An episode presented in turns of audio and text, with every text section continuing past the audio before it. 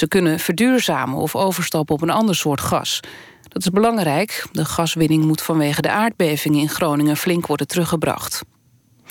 En er is gevoetbald in de eredivisie. één wedstrijd vanavond. PEC Zwolle won op eigen veld met 3-2 van Heerenveen. Het weer nog, het blijft vannacht helder bij min 4 tot min 8. In Limburg kan nog wat lichte sneeuw vallen. Morgen wordt het zonnig en droog, weinig wind en ongeveer 2 graden. Dit was het NOS Journaal. NPO Radio 1. VPRO. Nooit meer slapen.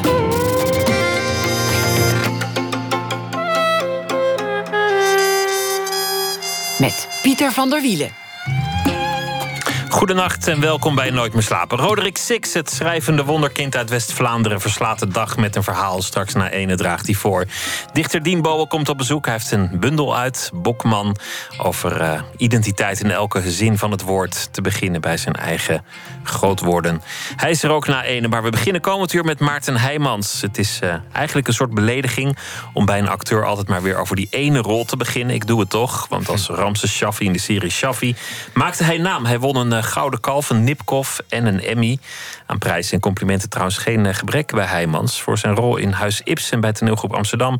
kreeg hij de Arlecchino-prijs. Een hele chique toneelprijs is dat. En dat is een stuk waarin hij met een dramatische sterfscène overtuigde. En dat wordt opnieuw gespeeld in Amsterdam vanaf overmorgen. Mm. Maarten Heijmans, de acteur met de katachtige ogen, geboren in 1983... Het kwam hem nog van pas, die ogen, bij het stuk De Gelaarste Kat bij het Roodtheater, waarin hij een uh, katachtigde moest spelen. En onlangs speelde hij ook bijvoorbeeld een uh, wanhopige verse vader op vlucht in een telefilm, Het mooiste wat er is. En we zagen hem ook nog als een stugge zeeuw in Weg van jou. En hij speelde Nijinsky alweer een paar jaar terug in de voorstelling Vaslav. Hij is uh, een van de nieuwe vaste krachten van toneelgroep Amsterdam of International Theater Amsterdam, zoals ze liever genoemd willen worden. Maarten Heijmans, hartelijk welkom. Wauw, wat een introductie. Wanneer, wanneer ging het echt lopen bij jou? Wanneer, wanneer wist je, nu heb ik het gevonden, nu heb ik mijn draai, nu kan ik het? Um, nou, dat, dat zijn denk ik wel kleine momentjes soms in je leven. Bijvoorbeeld uh, toen ik werd aangenomen voor de toneelschool in Amsterdam. Dan, hé, hey, uh, hey, dit is kennelijk iets wat, wat ik misschien wel echt zou kunnen doen of zo. Of ik ben aangenomen hier. Of, Dan wordt het al wat serieuzer. Ja, of als je bijvoorbeeld, uh, weet ik veel, maar ook zoiets lullig... zoals uh, het eerste, de eerste schooltoneelvoorstelling die je op de kleuterschool doet. En dat je dat toch wel echt heel leuk vindt. Natuurlijk, de, de, de kleuterschool? Ja, de kleuterschool. Zo'n, ja, ik was best wel een, uh, qua spelen en zo best wel een dictatoriaal mannetje. Qua, als, als wij uh, op het schoolplein speelden, dan vond ik het heel leuk. Dan wilde ik meteen de regie pakken. Dus, oh, jij bent dit en jij bent dat. Wil. En dat, dat lukte natuurlijk helemaal nooit met al die kinderen die dachten... Uh, rot op, wat, wat, weet jij nou? Dus dan was ik een beetje mislukte regisseur altijd op school. Um, maar uh, ja, dat soort kleine dingetjes. En, en wat je net zegt, um, die, die, het, is, het is vervelend om een acteur steeds aan, zijn, aan die ene rol te herinneren. Dat vind ik helemaal niet, want zonder die rol had ik hier ook helemaal nooit gezeten van uh, Ramses. Dus, en dat, dat was ook wel een moment dat ik dacht. Um, nou, dit is wel. Uh, het, het, het, het ik ben heel vaak onzeker over acteur zijn, maar dat was wel een moment dat ik dacht: dit, dit klopt nu ook wel, dat ik dit doe of zo. Maar als die rol er niet was geweest, was er toch wel een andere rol gekomen? Ik bedoel, je kunt acteren of je kunt het niet. Ja, maar er zijn ook heel veel goede acteurs in Nederland die, die, die niet bij Nooit meer slapen zitten, of die we niet kennen, of die je dan af en toe in een stuk zit. Ik bedoel, je bent ook zo, je bent als acteur natuurlijk ook heel erg afhankelijk van de situatie, van, van welke stukken worden gemaakt. Word je er überhaupt voor gevraagd of mag je op auditie komen? Denken mensen aan je? Uh, je, je kijk, een, een echte hele goede technische acteur die kan alles spelen in principe. Daarvoor word je ook opgeleid op een theaterschool. Maar eigenlijk, ik denk dat heel veel acteurs wel beter vallen in bepaalde rollen. En je moet wel het geluk hebben dat, je, dat die rollen op je pad komen. Je moet het geluk hebben dat je in een, in een film of een serie staat die, die slaagt. Want daar ga je zelf maar voor een heel Ook, klein deel ja. over. Ja, Dat- ja, daar zeker. begint het. Ja. En dan een rol die je ligt. En dan, en dan heel soms dan gebeurt er iets, iets magisch. Iets magisch, ja. En dat, dat was met Ramses volgens mij wel echt aan de hand. Ja, dat, dat gevoel had ik ook wel. Je kan, je kan inderdaad eh, soms de bal uit je broek spelen... en dan is, is het script eigenlijk niet goed, of de film niet. Of, en, dan, en daar word je zelf ook niet beter van. Ehm, maar daar had ik wel heel erg het gevoel vanaf het begin eigenlijk al... nog voordat we met draaien begonnen... ehm, de combinatie van Michiel van Erp... Uh, met Mark van Aller, de cameraman. Marnie Blok, die het script schreef. De, de, de, het hele productieteam van, uh, van de familie. Uh, dat is het productieteam van Michiel van Herp. Ehm, daaruit sprak alleen maar liefde eigenlijk en aandacht om dit verhaal van deze man heel goed te vertellen. En, en, en, en waar hij voor stond. In plaats van er moet een serie gemaakt worden, want we hebben budget. Dus we zoeken een regisseur erbij. En we zoeken een paar scriptschrijvers erbij. Wat, wat toch best wel vaak gebeurt. Volgens mij was de reden dat het zo bijzonder werd ook dat, dat iedereen een bijzondere gevoel had bij Ramses. Ja, iedereen wilde hem, hem recht doen. Ja, dus je hebt al heel veel mee. Ook bij je publiek en ook bij dat, dat die serie over hem ging, dat was al de helft of zo. Want je, je materiaal wat je kan bestuderen, voor mij ook als acteur, weet je wel, dat, dat ik hem een jaar lang heb bestudeerd en bekeken. Ik bedoel, dat, dat was helemaal geen straf. Dat had ik bij wijze van spreken ook gedaan. Als ik hem niet zou spelen, had ik dan natuurlijk niet gedaan. Maar ik dacht wel een keer van, jeetje, dit is het, echt het gaafste huiswerk wat je je kan voorstellen. En dan ook als het nog eens door mensen wordt gemaakt die je die je ook bewondert, zoals Michiel van Erp.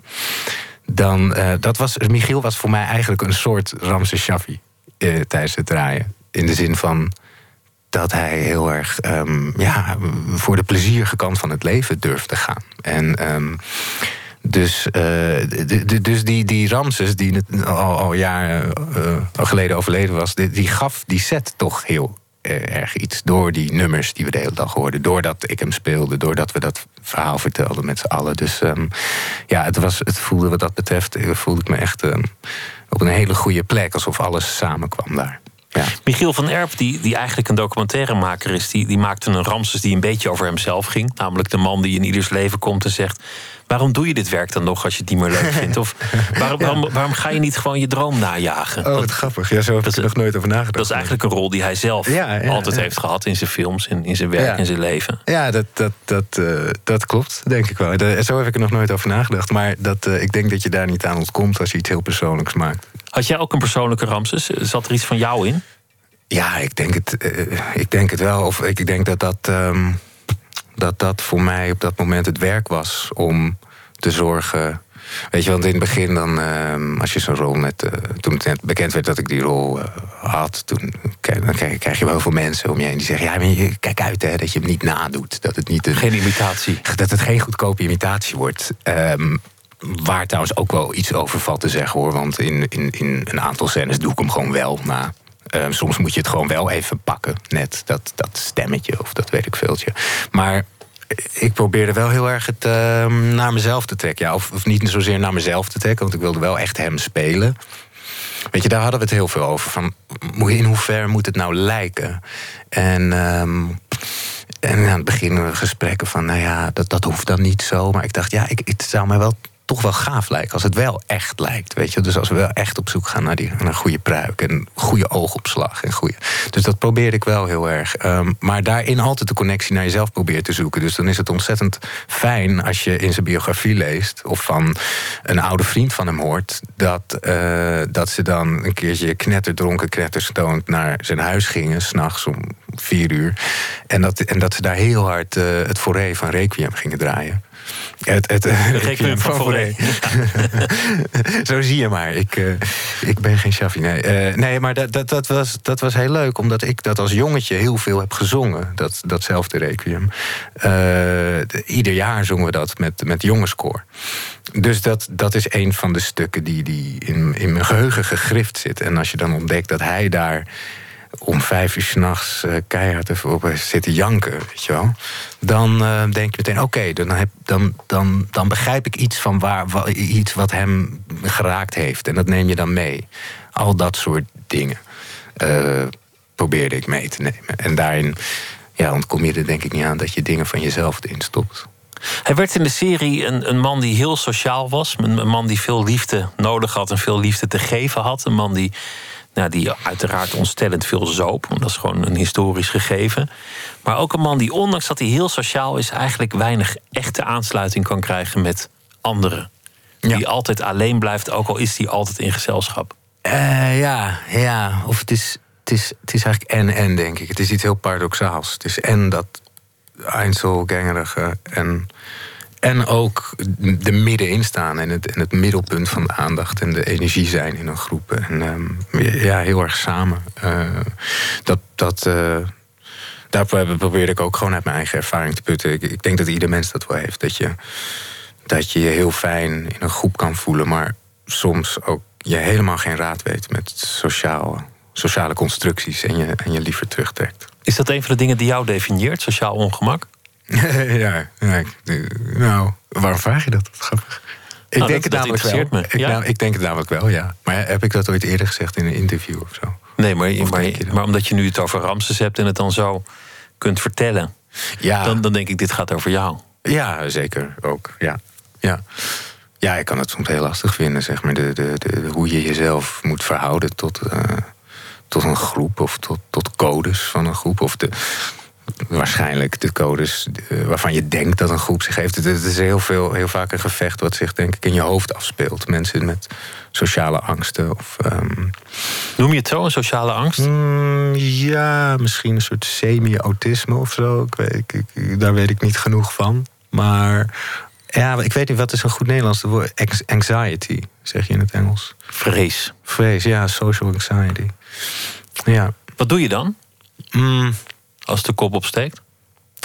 Ik denk. Um, dat is wel leuk, want Ramses heeft daar letterlijk een liedje over. Dat, dat liedje heet Als ik bang ben.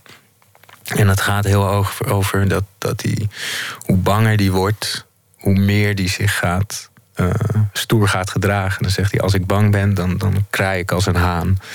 En um, ik weet de rest van de tekst even niet meer. Maar dan zegt hij op een gegeven moment: ja, ik dan, dan, dan kraai ik als een haan. Wat doe ik mezelf aan als ik bang ben? Um, dan ga ik denk ik mezelf een soort uh, houding proberen te geven. Ja, wel er tegen vechten, denk ik. Het niet, het niet laten winnen. Niet, niet daar de ongemakkelijke jongen aan de oever zijn. Nou, dat, dat, dat, is, dat is ook. Ongemakkelijke jongen aan de oever zijn is natuurlijk ook weer aantrekkelijk. Want dan maak je van jezelf weer een soort romantisch beeld. Snap je wat ik bedoel? Dan, uh, dat, dat kan ook. Maar ja, het, het, is toch wel frappant dat mensen. Ja, of, of met je telefoon spelen. Dan lijk je bezig terwijl je niks doet. Ja, dat, doet, dat doet iedereen tegenwoordig. Ja, ja jammer eigenlijk. Ja, dat we vind hebben, ik ook jammer. We hebben een hele erg gemakkelijke way out. Uh, out of uh, ongemakkelijke situaties nu met die telefoon. Maar vroeger kon je roken, dat kan niet meer. Dus, Nee. dus dan, dan kon, je, kon je gewoon heel sierlijk roken. Ja, dat is toch wel romantischer. Helaas iets dodelijker dan de telefoon. Alhoewel, dat weten we niet. Misschien hebben we over 30 jaar wel allemaal... Precies, kunnen we nog achterkomen. Dat Ja. weten we niet. Maar ehm, ja, romantisch heeft, het ziet er in ieder geval mooier uit dan met je vinger over zo'n nepglazen ding eh, stre- strelen. Maar dan ben je eigenlijk aan het acteren. Als je ermee bezig bent hoe het overkomt, wat je doet op dat moment. Of als je het uitvergroot. Of... Mm, Ja, deels wel. Maar ja, acteren klinkt weer zo vakmatig. Maar het is gewoon jezelf voordoen als iets waarvan je denkt dat het wenselijk is op dat moment. En dat, dat, dat is denk ik een, me- dat is gewoon een mechanisme wat in ons zit. Alle zit. Men- mensen. Is dat er altijd al geweest, zolang je, zolang je het kunt herinneren? Want je had het net al over, over jezelf als kleuter. Dat je dan de regie nam. Ja, walgelijk. Ja. Was, was er toen ook al ongemak? Eh, nee, nee, toen was er niet zoveel ongemak als kind. Toen had ik best wel veel eh, scheid, om zo maar te zeggen. Ik denk vanaf de puberteit kwam er een soort ongemak bij. Ja. Met, met het zelfbewustzijn. soort zelfbewust, ja, ja, ja. Heb je dat met iedereen of alleen met groepen? Of zijn er mensen die, bij wie dat niet speelt? Ehm, nee, er zijn ook absoluut natuurlijk mensen bij, bij, bij goede vrienden. Of bij eh, geliefdes. Of, ehm, maar groepen zijn altijd wel lastiger dan één op één. Want één op één zijn de, is ja, zijn de regels gewoon wat duidelijker. Dan heb je met één iemand te maken met een groep. Er zijn heel veel verschillende mensen. En dus dan, weet je, je kent toch wel eens als je bijvoorbeeld. ehm, als je bijvoorbeeld jarig bent en dan komen er allemaal mensen naar je toe als je het viert, weet ik veel ergens. En dan ontmoeten ineens allerlei mensen uit je leven elkaar die elkaar niet kennen. Hun enige verbinding, dat ben jij. En want, eh, dat heb ik althans, dat je dan eh, merkt dat je bij al die mensen toch een beetje anders bent. Dat je je toch een beetje aanpast aan wie zij zijn. En dat je dan, als al die mensen in één keer bij elkaar zijn, dat je dan in een soort. eh, eh, Crisis komt welke ja, rol soort- je moet nemen. Ja, dat het een soort vastloopt. Van, oh shit, hoe, hoe ben ik nu... Ehm, ja, klinkt dat heel onbekend voor jou? Ja, ik ben altijd ongeveer globaal hetzelfde, denk ik. Ja, dat is top. Dat lijkt me top. Ja, dat krijg je ook, krijg je ook met de jaren hoor. Dat je denkt, nou ja. Ja. Maar ik, ik kan me wel iets voorstellen van bij oma op de koffie is anders dan in het voetbalteam. Ja, ja, ja, ja, ja. Misschien dat ik daar, ik weet niet, misschien dat je als acteur misschien een beetje een extra bewustzijn van bent, omdat het gewoon je, je werk is om je om een bepaalde gedaante aan te nemen of een bepaalde. Omdat je er ook goed in bent, dus je kunt het. Je hebt al die opties. Ja, misschien dat kan ook wat je net zei van ehm, uit angst als je bang bent dat je dan uh, dat het je eerste vluchten ding is. Ik weet nog bijvoorbeeld, het is zo'n interessant verhaal van uh, Jaap Spijkers, die acteur, daar ben ik ooit door geregisseerd. En uh, die vertelde ooit dat hij aan het reizen was door Azië. En ehm, hij, hij, houdt, hij, houdt heel erg van fietsen, Jaap Spijkers. En hij maakte een fietsreis door heel Azië. Dan was hij in een of ander land, Cambodja of zo, of ik weet het niet. Iets waar in ieder geval in die tijd een, een soort militia aan de gang was. Dus er liepen op straat van die rebellen met, met, met geweren en zo. En hij fietste en hij zag op de weg te staan twee rebellen met, met fucking geweren. En hij ja, wat moet ik doen? En inderdaad hoor, ze zeiden, ja, stap maar af, stap maar af. En een beetje met die geweren in hem porren, weet je wel. Een beetje intimideren. En hij begon meteen een soort verhaal over schaatsen. Gewoon in het Nederlands, gewoon heel dom. Hey, jongens, hey, ik, I'm from Holland, ik kom uh, Nederland. En ja, ga maar schaatsen, jongen. Heel verhaal, gewoon helemaal lullen. En gewoon alsof het heel normaal was. Nou, nou ja, hartstikke goed. Hey, fijne dag, doei. En wegrijden. En daarna janken, janken uitbarsten. Weet je, een levensbedreigende situatie. Maar dan voor hem als acteur is het zijn eerste. Zijn wapen, zijn strategie. Ja, zijn instinct om zijn dat redmiddel. te doen. En, uh, en het grappig was toen hij me dat vertelde. Ik was een jaar daarvoor zelf in Japan geweest. En toen had ik op een avond een hele weirde ontmoeting met een yakuza. Met zo'n Japanse maffia. En um, ja, ik had er alleen fabeltjes van gehoord. En ik hou heel erg van gangsterfilms. Dus ik dacht, oh, deze mensen moet je echt niet mee fucken. En toen, toen, deed ik, toen deed ik een beetje hetzelfde. Ging ik me heel. Toen dacht ik, ik moet gewoon harmless zijn voor deze man. Um, dus ik ging me ook als een complete idioot opstellen. waarvan hij zou denken: Nou, die, hier er gaat geen gevaar vanuit die Nee, daar hoef ik niks mee te maken te hebben. Ik hoef hier helemaal niks. En, ik, en ook precies hetzelfde aan. Toen was ik daar weg en 100 meter uh, lopen. En hij was out of sight. En ik ook in janken uitbarsten. Maar dat was wel ja, ook zo'n instinctief ding wat je dan meteen doet of zo. Zo'n goede strategie, gewoon de idioot zijn. De idioot is on Ik denk het ook. Ik denk bijvoorbeeld wel eens... Uh, als, er, als je bijvoorbeeld uh, op straat in elkaar geslagen zou worden, weet je wel. Of er zijn, als je gewoon echt je meteen uitkleedt in één keer... en een vogeltje nadoet en, en krankzinnig doet... dan, volgens mij kom, komt het dan niet bij mensen op om je in elkaar te slaan. Dan ben je, mensen ontwrichten, weet je wel. Hun computer, hard schijf vast laten lopen. Dat denk ik wel eens. Misschien, misschien werkt dat wel het allerbeste. Ja, wel, ik vaak denk dat als iemand in de openbare ruimte je slaat, dat hij niet van afwijkend gedrag houdt. Dat, dat het dan alleen maar meer gevaar oplevert. Als je vogeltje nadoet, dan. Dan, dan vinden ze je tot, nog raarder. Dan, dan slaan ze je tot moes, denk ik. Maar ja. je, je, was een, je was een koorknaap, zei je net. Dat vind ik ook interessant. Want ja, zeker. muziek speelt ook een rol in jouw leven. Misschien, misschien ja. groter nog dan, dan acteren in eerste instantie? Mm, nou, op een ander niveau. Ik denk muziek is er gewoon altijd. Ook als je niet werkt. Dat, dat zet ik elke dag op. Daar zoek ik elke dag naar. Daar, uh, dat, ja, dat is iets meer een soort constante in het leven, denk ik. Maar ik vind het het allerfijnst als het wordt gecombineerd. Bijvoorbeeld, uh, daarom vond ik Shaffi ook zo ontzettend fijn... omdat mijn liefde voor muziek en spelen daar in één keer, bam, helemaal samenkwam. Je hebt daarna ook nog een, een voorstelling gedaan... waarin je alleen maar het zingen deed. Dat je gewoon als, ja, als een, een concert eigenlijk, ja.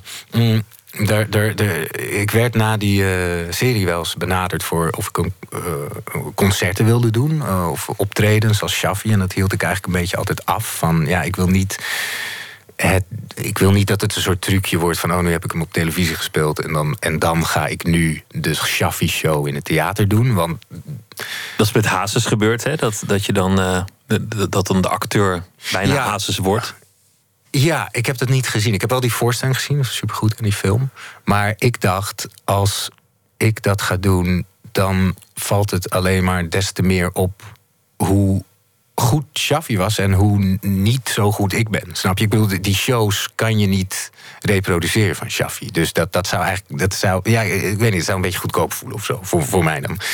Um, dus, en, en daarna kwam een verzoek van het Nederlands Filmfestival. Um, weer eigenlijk dezelfde vraag: wil je Shaffi ding doen? Dus ik, daar, ik dacht eigenlijk meteen: nee, dat, dat wil ik niet. Maar als ik gewoon uh, helemaal de vrijheid krijg op het podium, dan zou ik wel wat anders willen doen. En dat is namelijk nummers van hem in de remix gooien. Dus helemaal opnieuw arrangeren met andere instrumenten, andere akkoorden, andere. Uh, omdat ik tijdens het draaien van die serie zo veel die muziek luisterde. En ik luisterde destijds ook heel veel Bon Iver bijvoorbeeld en James Blake. En die, en die muziek ging een beetje in elkaar overlopen allemaal. Dus, um, en ik hou heel erg van muziek arrangeren. Dus toen, um, toen ontstond eigenlijk het idee om die nummers opnieuw te gaan benaderen. En daar heb ik toen een hele concertreeks uh, van gedaan. Ja. We hebben zo'n nummer. Je, je noemde oh, net het nummer uh, Als ik bang ben. Maar dit ja. is dan eigenlijk een soort van de, de tegenhanger in zekere zin. Ja. Namelijk uh, We leven nog. Ah, oké.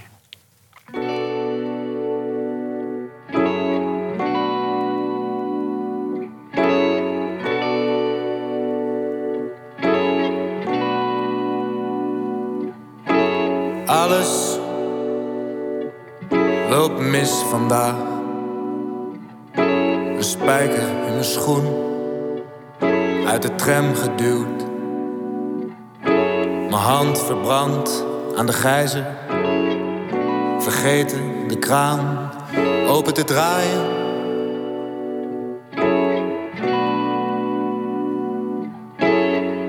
Alles loopt mis vandaag. De brief weer niet gepost. De buurman kwaad. De gelachkamer nog dicht. Geen voer voor de marmot en de papegaaien.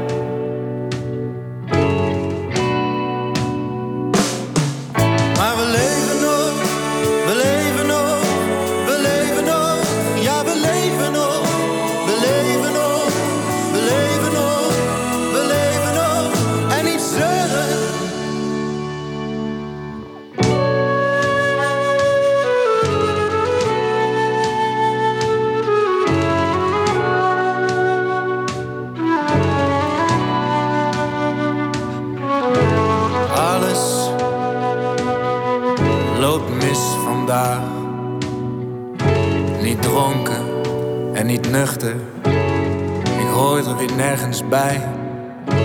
De dag gaat dus gierend naar de haaien.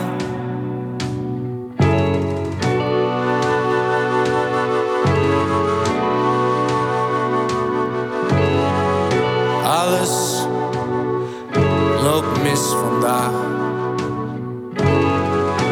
Te laat voor het bezoeken van een vriend met mensenvrees. Verjaardag heb ik in de gracht laten waaien.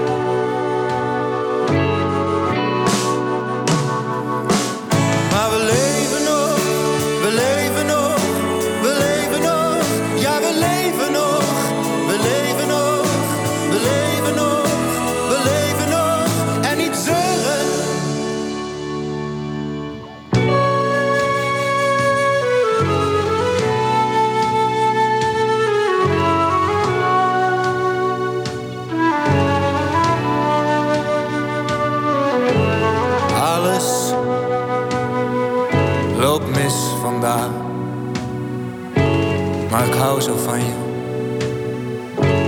En je was er niet. De sleutel weg, de voordeur dicht. Dus ik kan alleen maar naar je rijden.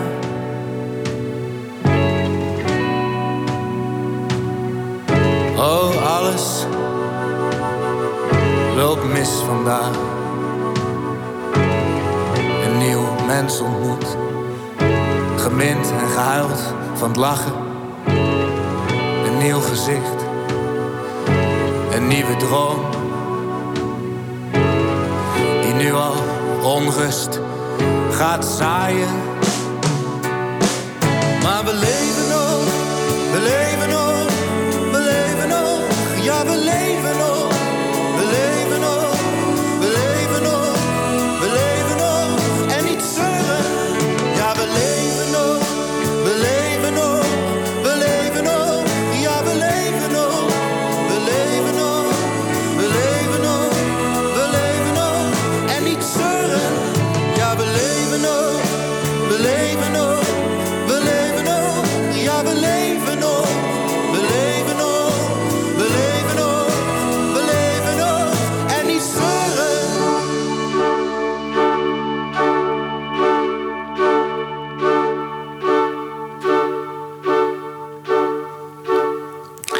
We leven nog. De hommage aan Ramses Shaffi door Maarten Heijmans... die uh, ook speelde in de serie Ramses.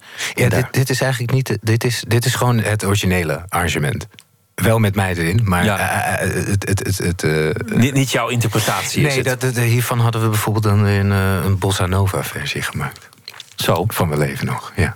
Nou ja, je kan alle kanten op met die liedjes. Ja, je kan elke kant op. Je kan er alles mee doen. Deep house. Je bent eh, geboren in Amsterdam. Je bent opgegroeid in eh, de Beemster. Yes. En eh, je zong in een koor. Ja. Foré, het Requiem. Waarom ook niet? Ja. Je was, eh, je was soort van de, de, de leider op het schoolplein als er een regisseur nodig was. Eh, Ja, de miskend, de, degene die zichzelf opwierp als leider en, en die taak niet toebedeeld kreeg door de rest. Wat voor, wat voor opvoeding heb je gekregen? Wat, wat mocht niet en wat mocht wel? Ehm, Mocht meer wel of meer niet? Nou, dat, dat was best wel een balans eigenlijk. Eh, mijn ouders waren heel streng op dingen als eh, roken en drinken en uitgaan. Daar was, daar was wel heel streng op. Maar gewoon hoe je je tijd indeelde en restricties en, en wat je wilde najagen, waar je interesses lagen, daar, daar lagen helemaal geen eh, restricties op. Doen wat je wil en wat je Ja. belangrijk vindt. Ja, ja, ja. En, en, als, en als we bijvoorbeeld mijn zus of ik ergens een bepaalde eh, interesse in toonden, weet ik veel, dan had ik bijvoorbeeld een eh, periode dat ik heel erg in ruimtevaart en sterrenkunde geïnteresseerd was. En dan, en dan, en dan had mijn moeder ook meteen een boek daarover. Of dan gingen we naar de boekwinkel om daar of iets eh, over. eh, dan mocht ik daar iets over uitkiezen of zo. Ja. Tolerant stimulerend zou ik het omschrijven dan. Ja, ja, ja. Wat deden je ouders zelf? Eh, mijn moeder is eigenlijk de hele leven eh, docent geweest op een middelbare school, docent Engels. En eh, mijn vader heeft, ja, die heeft eigenlijk allerlei dingen gedaan. Die had op een gegeven moment een eigen een, copywritersbureautje. eh, en die is op een gegeven moment in het ziekenhuis gaan werken. Laatste, denk ik, 15 jaar van zijn van, van, van loopbaan als. hoe heet het nou? Eh, beheerder van het archief van het ziekenhuis. Ja. Een, een, eh, een chique baan op zich. Nou, chic. Ik, ik, gewoon een goede baan toch? ja, een, een degelijke baan. Ik denk wel dat mijn moeder meer haar passie achterna is gegaan. En dat mijn, mijn vader. Mijn vader heeft heel veel interesse voor theater, namelijk. Eh, die heeft heel, heel veel jaar van zijn leven bij het Purmerendse eh, eh, kindertheater gewerkt. En dan maakte hij decors en, en ja, die bouwde die en, die. en hij was toneelmeester. Weet je. Hij deed eigenlijk al die dingen achter de schermen bij die, bij die kindermusicals. En daar lag denk ik wel zijn, zijn passie. Ik denk dat hij, hij gewoon alleen op zijn, op zijn achttiende helemaal geen idee had dat dat bestond. Dat je dat kon worden, weet je wel. Dat dat je werk kon zijn. Dus ik heb wel eens gedacht van als ik terug in de tijd kon gaan... dan zou ik niet Hitler vermoorden, wat, wat iedereen zegt. Nee, dan zou ik gewoon terug gaan naar mijn, naar mijn pa op zijn achttiende. En En zeggen, hem aanmoedigen. ja, van, ga, eens, ga eens dat gebouwtje binnen. Als een, daar- als een daar- Michiel van Erp of Ramses Shaffi. Als een echte Ramses, ja, zou ik dat dan doen. Ja. Dus, dus hij heeft jou waarschijnlijk ook wel meegesleept daar naartoe als dat zijn passie was. Ja, want ehm, eh, mijn, beide, mijn beide ouders en mijn zus die waren betrokken bij, dat, eh, bij die, bij die eh, kindermusicals. Dus ehm, mijn zus speelde erin. Mijn zus is vijf jaar ouder dan ik. Mijn moeder deed toen een beetje griem bij die kinderen. Die maakte ze op. En mijn vader deed dan alle decors en zo op toneel. Dus ik was dan ehm, ja, tot mijn achtste of zo. Ik kon dan niet alleen thuis blijven, want het was elke zondag was een voorstelling ergens in een theater in Nederland. In in een, in een schouwburg ook en zo. Dus best wel, best wel groot voor een amateurding. En, ehm, En dan ging ik altijd mee, want ik kon niet alleen thuis blijven. Op, toen ik zo klein was. Dus ik heb die musicals wel. Ja, ik, ik, ik, heb die wel tachtig keer gezien of zo, elke productie. Dan zat ik altijd op de eerste rij. Weer diezelfde musical te kijken. Dus dat is wel heel erg vormend geweest, ja. Dus eigenlijk is het heel natuurlijk gegaan. Dat theater kwam op je pad en, en je, je speelde al op school in, in toneelstukken.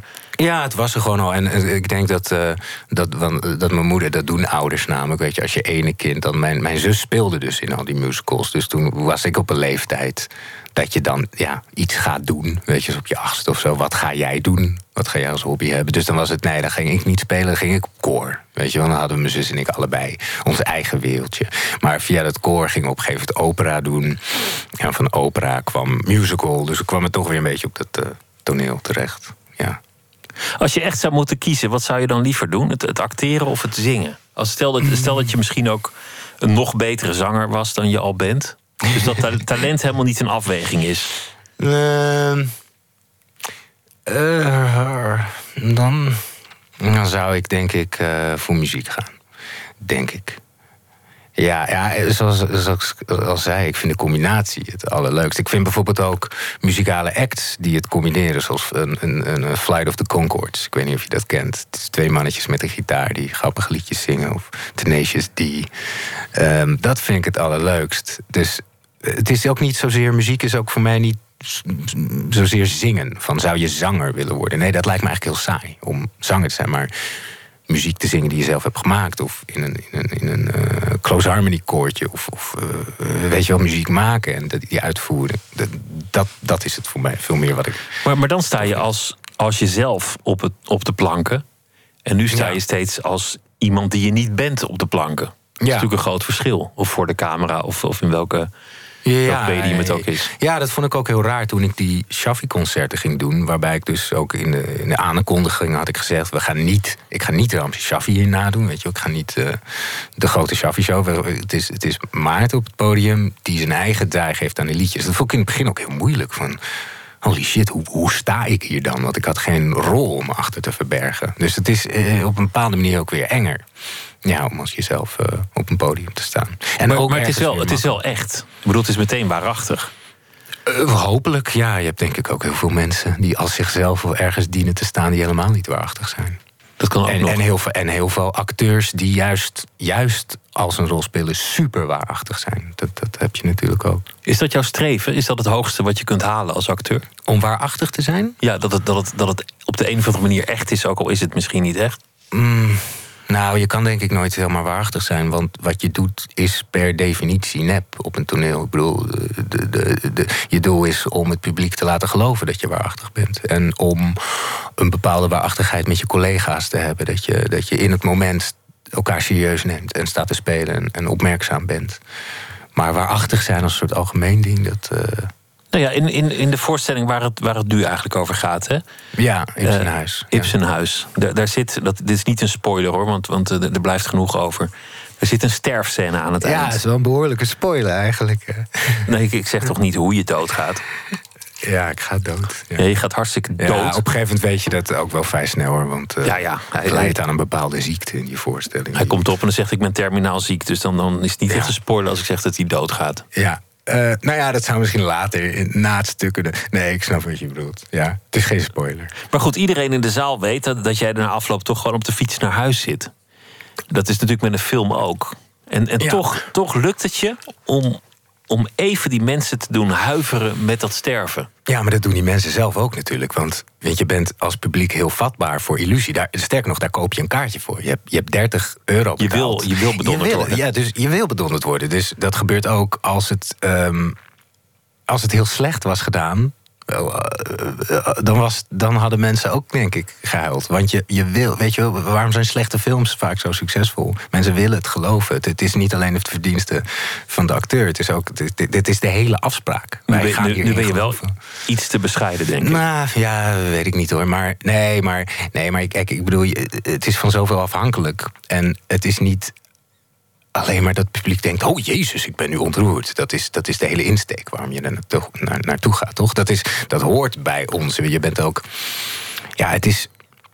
Ik geloof niet dat acteren en toneel zo'n zo, zo'n soort exclusief bijzonder vak is. Het is een van de oervakken. Net zoals uh, uh, geneeskunde en uh, koken en, en verhalen vertellen, weet je wel. Met z'n allen ja, dus zo denk ik dan dat het vroeger is gegaan om het kampvuur. En dan gaat elke nacht vertelt de sjamaan iets over, over de wereld zoals zij dachten dat die toen was. Om, om het sens te maken. Een soort religie is, is ook gewoon eigenlijk theater.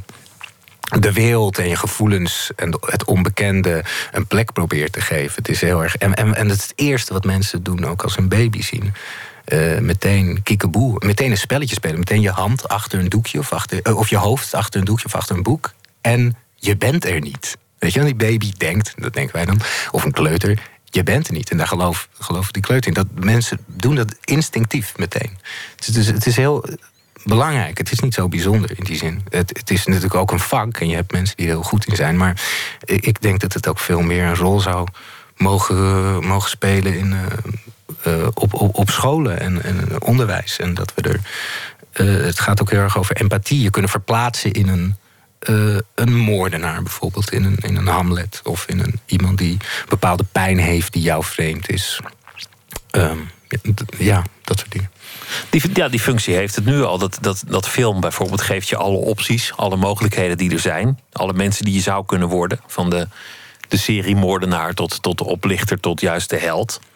En dan, dan kan het publiek later zelf kiezen wel, wat ze daaruit uh, willen meenemen. Maar alle opties ja. die zijn daar aanwezig zodat je niet in het echt een moordenaar hoeft tegen te komen. Je bedoelt dat film, als je een film ziet, dat het bij, bij wijze van spreken een soort simulatie is? Dat je ja, een kan, soort sociaal laboratorium. Dat je, even, ja, dat je even mag verhouden tot bepaalde emoties en bepaalde gedachten. En... Met een bepaalde moraal en allemaal ja. lekker extreem, zodat het duidelijk wordt. Ja, ja, ja. ja, of die moraal juist helemaal niet in en dat je zelf tot, tot kiezen wordt gedwongen. Ik denk dat dat heel belangrijk is. Ja, dat, je, dat het inderdaad een soort laboratorium voor gevoelens is. Een soort veilige manier. Weet je, we zijn, we zijn toch wezens die uh, uh, 2000 jaar geleden uh, in, in, in, in, in de stad der beschaving een colosseum hebben, hebben gebouwd. En daar wekelijks mensen vermoord hebben zien worden. We willen toch iets zien van betekenis. Nou, wat, wat is van een grote betekenis dan de dood? Uh, en het is heel fijn dat we er nu een vorm voor hebben bedacht, waardoor er geen mensen dood. Ja, wel als je een referendum zou uitschrijven, dan denk ik dat het Colosseum met de leeuwen morgen in, op, het, op de Dam in Amsterdam gewoon weer in de functie uh, denk, werd hersteld. Denk je dat? Tuurlijk. Nee, man. De mensen willen toch gewoon iemand verslonden zien worden door een leeuw. Ja, nog stiekem. steeds. Maar er is toch nog zoiets als sociale controle. En die gaat denk ik die, die, die gaat door in het stemhokje. Zelfs als je denkt helemaal alleen te zijn. Nee, ik denk dat. Nee, maar de, de, de, de tijden verharden enorm. Maar ik denk niet dat mensen nog uh, mensen echt dood zouden willen zien gaan verscheurd door leeuwen. Misschien dieren, ja, dieren. Met dieren gebeurt het wel. Ik, ik hoop dat je gelijk hebt. Ja. Je hebt uh, na Ramses en toen won je, won je een gouden kalf. En toen won je de Nipkoff uh, schijf. En toen won de, je... serie, de serie won de Nipkoff. De Nipkoff. En jij won, won ook nog een, een, Emmy. Dat is natuurlijk helemaal uh, chic. Ja, en, toen, en toen zei iedereen Hollywood longt. Ja. Nu, nu, ga, nu, gaat hij naar Hollywood. Ja, dat hoopte ik ook. En, en, de keuze die hij maakte, die, die was radicaal anders. Namelijk, je koos voor een vaste plek bij het toneel. Um, ja, maar ik had het ook wel gewild hoor. Ik bedoel, ja, ik dacht natuurlijk ook van dichter bij Hollywood uh, ben ik uh, nog nooit gekomen. En zal ik waarschijnlijk ook niet komen. Want ik heb, ik heb een fucking, M, een fucking Emmy Award gewonnen. Um, maar zo gaat het niet helemaal. Dat, dat is natuurlijk ook weer. Het heeft ook weer met geluk te maken en zo. Maar, en met agenda's natuurlijk. En met agenda's. Alhoewel ik wel echt dingen had, had willen opgeven daarvoor. Want uh, ja, best veel Nederlanders doen nu hele mooie dingen in Amerika. Um, en ik ben ook wel naartoe gegaan.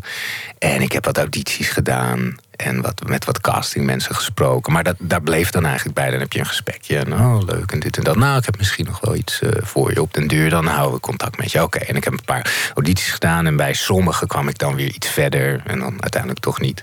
Dus um, nee, ik heb dat ook wel een beetje geprobeerd niet heel radicaal van ik ga daar verhuizen of zo. Want zo. Uh, zo, zo, zo. Ja, het blijft natuurlijk een ontzettend kleine kans. Maar ik heb wel wat, wat dingen gedaan. Maar op een gegeven moment dacht ik toch, ja, je moet. Ik wil gewoon wel um, spelen. In plaats van alleen audities doen. Echt spelen, gewoon een rol en dan, Ja, en dan dat- veel voorstellingen. Op een gegeven moment dacht ik toch... Ik, ik zag bijvoorbeeld eh, vannacht een film op Netflix... eh, die net uit is over, een soort ruimtestation of zo. Een vrij middelmatige science fiction film. En, en toen dacht ik, dit komt me zo bekend voor. En, toen- en toen dacht ik, dacht, oh ja, iets van twee jaar geleden heb ik voor deze film auditie gedaan. Heb ik gewoon een filmpje opgenomen. Weet je, dat, dat kan, je gewoon thuis doen. Een filmpje opnemen met je iPhone en dan stuur je de auditie op. Dus ik had het script al gelezen. Ik had, dus was, het was weer helemaal anders. En ik, had, ik weet nog dat ik daar toen, dat was een van de eerste audities die ik deed. Ik helemaal dacht, holy shit, dan ga ik misschien. Nou, ik heb de kans om in een Netflix-film te zitten. En, en ja, dat is helemaal voor het echt dan of zo. En toen zag ik die film, dacht ik, ja, maar daar wordt ook gewoon middelmatige shit gemaakt. En, en ehm, ja, het is dan wel Amerika en het klinkt heel geil. Maar ik wil gewoon spelen in, in, in goede dingen. En die zijn overal. En zeker in Nederland. En zeker eh, bij Toneelgroep Amsterdam. Wat nu een van de meest vooraanstaande Maar ja, wat- groepen is van, de wereld. zelfs. Trouwens, heel gek, zo'n zo'n auditie op je mobiele telefoon. Want ik las dat, dat eh, Sylvia Hoeks, die, die zat dan in eh, Blade Runner Ja, ja. 2135, of wat was het? En die, die had dan... 48, dacht ik. Nou ja, iets, iets met een... Met een Iets met heel later. met, later. met de toekomst dat je, dat je zelfs niet eens meer aan je pensioen hebt gedacht. En, en die had op haar eigen badkamer dat, die auditie opgenomen. Ja, ja zo, zo, zodoende. Dus dan, dan, dan vecht je met aliens en dat soort dingen gewoon ja, ja, dat zijn dan... tegen de ehm, douchewand. Het, het verbaasde mij eigenlijk ook. Ik, ik had ook de eerste auditie die ik deed, dat ik helemaal eh, de cameraman van Ramses gecharterd. Van hé, hey, wil jij? Ik heb nu voor zo'n Disney-film een auditie. Ik dacht, dat moet helemaal top. Maar als je al die, als je bijvoorbeeld bij Game of Thrones kijkt op YouTube, de audities van al die mensen, dat is allemaal super crappy opgenomen, weet je wel. Dat, dat, ja, en dan nu met iPhones, dat is nog best wel goede kwaliteit. Dus je inderdaad, eh, ik kan me helemaal voorstellen dat Hoeks, wat echt fantastisch deed, die Blade Runner film. eh, ja, neem je gewoon een auditietje op in je hotelkamertje en dan. ehm, is er een hele kleine kans dat je het zomaar zou kunnen worden. Het is inderdaad een, een, een amusante film geworden.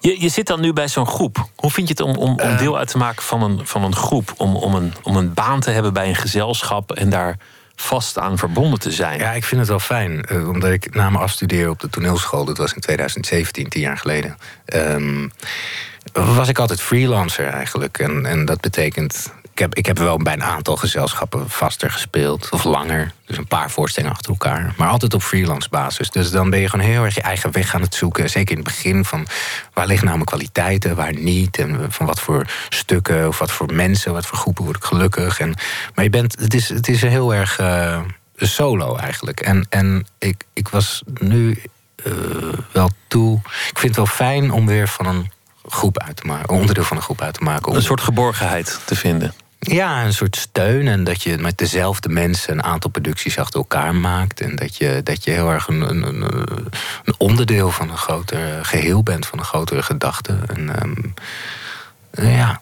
Is dat de keerzijde van dat sociale ongemak? wat bedoel je? Dat je, dat je bij een groep wil horen, omdat je, dat je eigenlijk niet zo makkelijk bent in groepen, zei je net.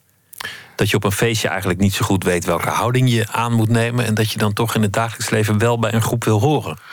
Ja, dat is ook een paradox. Ja, ja. Ik denk dat we al, altijd wel. Ja, het is toch wel. Het is heel erg fijn. Een soort thuisgevoel. Een soort uh, ding. Je bent natuurlijk ook aan het werken met die mensen. Het is een ander ding dan een feestje of zo. Je bent samen iets aan het maken, heel erg. En op een feestje kan ik denken: ja, wat, wat de hel doe ik hier? Maar je bent dus geen Einzelganger.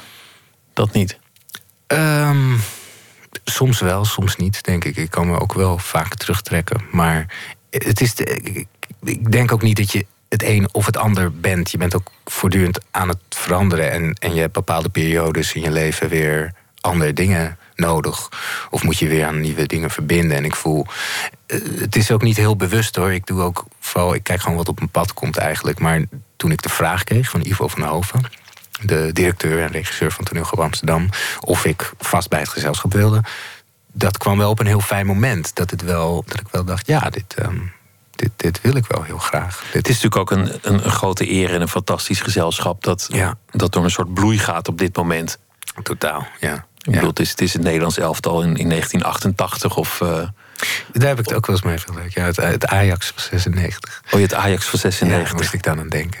Um, ja, maar goed, zeker, in ieder geval een groep die, die in, een, in een goede periode zit. Met grote successen. Ja, het is heel leuk, want ik weet nog dat uh, Ivo van Hoven kwam bij tegen, ja, ik weet niet, eind jaren 90, 2000 of zo. Dat is ook de periode dat ik op de toneelschool begon. Dus, en toen, toen keken we heel veel theater met de klas. eh, echt eh, vier keer per week of zo. Dus ik, ik heb ook die, die eh, groei een beetje gezien. Weet je, vanaf het moment dat hij daarbij kwam tot nu heel veel voorstellingen van ze gezien. En dan op een gegeven moment om er zelf bij te komen. Dat is heel gaaf.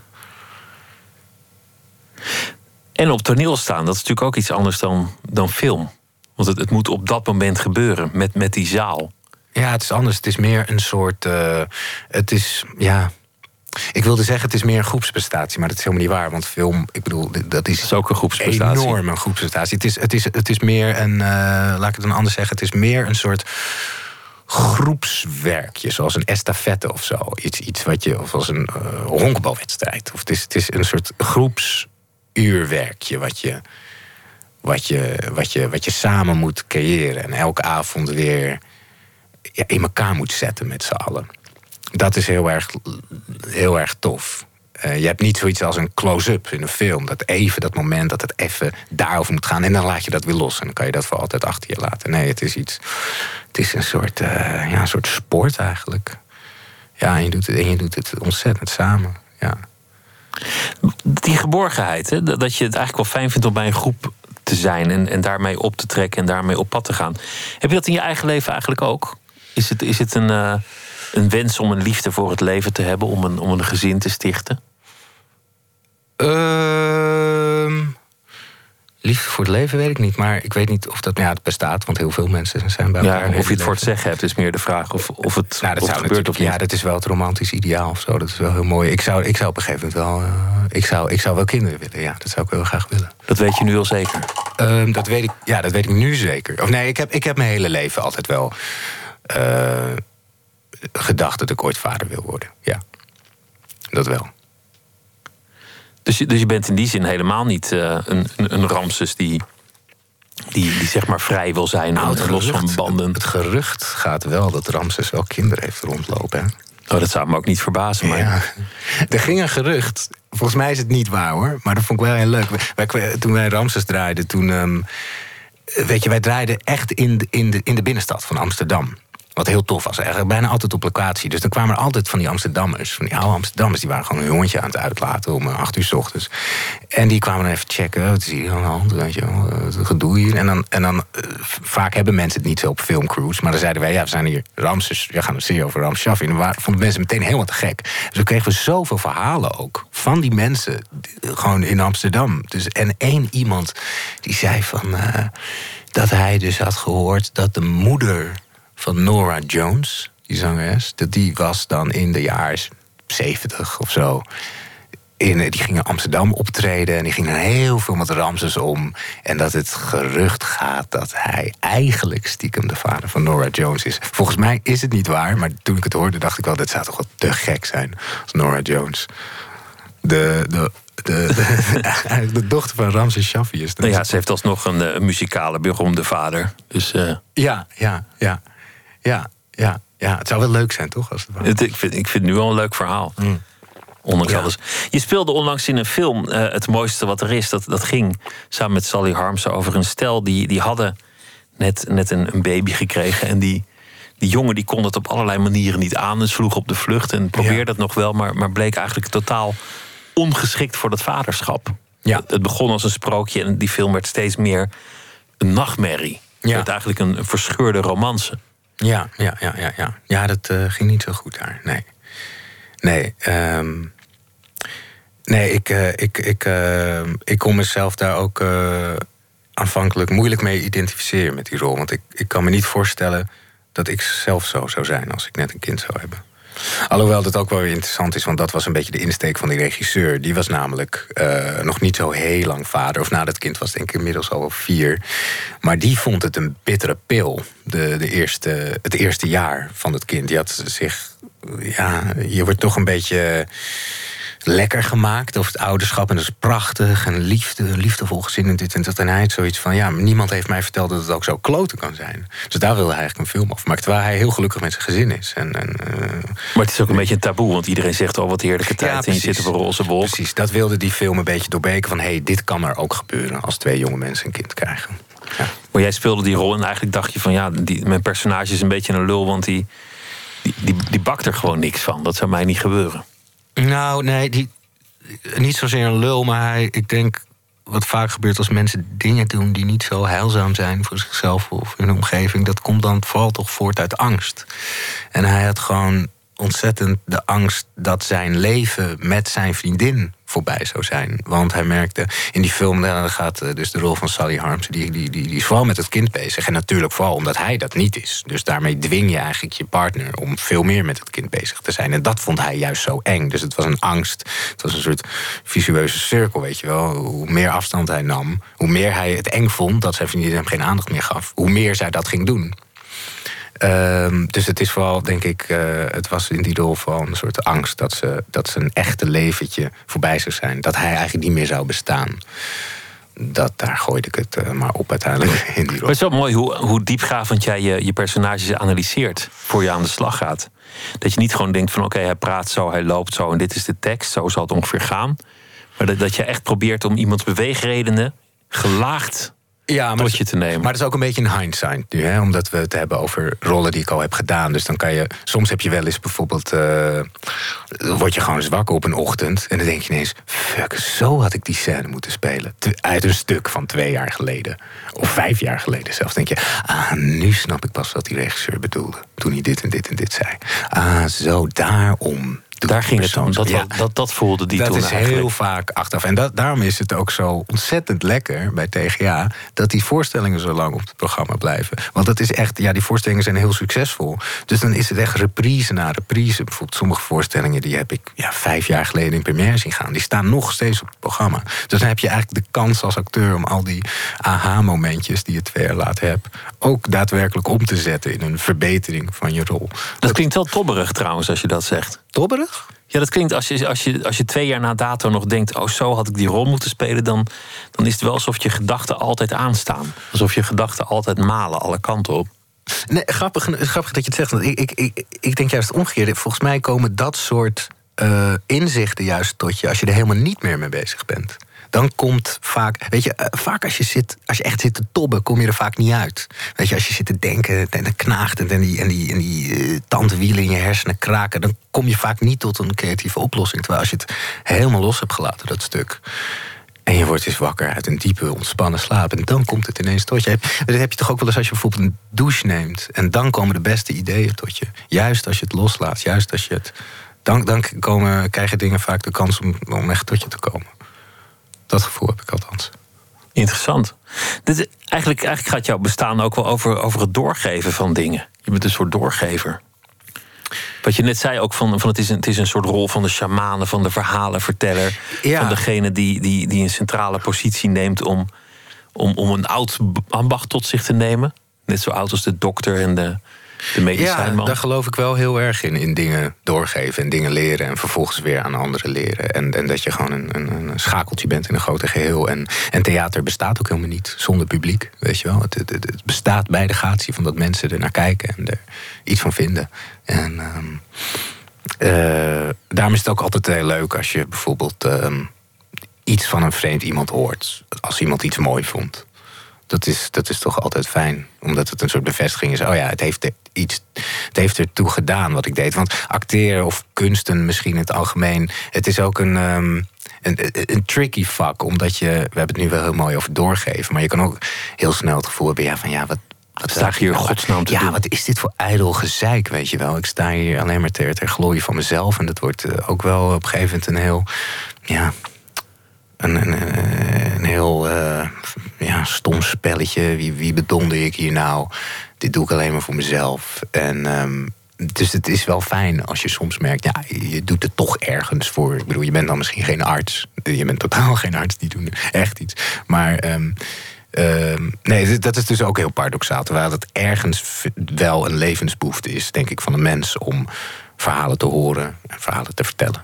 Dat is net zo belangrijk als een arts. Ja, erg, ja, ook. Ja, in sommige gevallen heb je liever een arts. Als je Soms heb je liever een arts, maar ik, zou, ik, zou, um, ik ben heel blij dat mijn ouders mij vroeger hebben voorgelezen. En verhalen hebben verteld. En, en, en uh, boeken in huis hebben gehaald. En, um, en mezelf um, hebben laten lezen. Ja. En dat zou ik ook heel graag willen doen bij, bij kinderen. Ibsenhuis, hij gaat eh, in de reprise. Jullie hebben hem voor het laatst gespeeld afgelopen zomer. En uh, nu, nu gaat hij weer beginnen. Een, uh, een voorstelling die met, met ontzettend veel enthousiasme werd ontvangen. Echt Ja. fantastische recensies kreeg. Ja, echt te gek. Het, het, het decorstuk is een, een, een huis met verschillende verdiepingen dat Ja. ronddraait. Ja. En dan zie je verschillende scènes uit een familiegeschiedenis in verschillende tijden. Het begint in Ja. 74. Jij bent de man die wordt gedumpt voor een ex die misschien wel terugkomt. Yes. Je hebt een aantal rollen. Ja. Eh, culminerend in die, eh, nou die heb ik toch al weggegeven, die sterfscène, maar, Mhm. maar vooruit.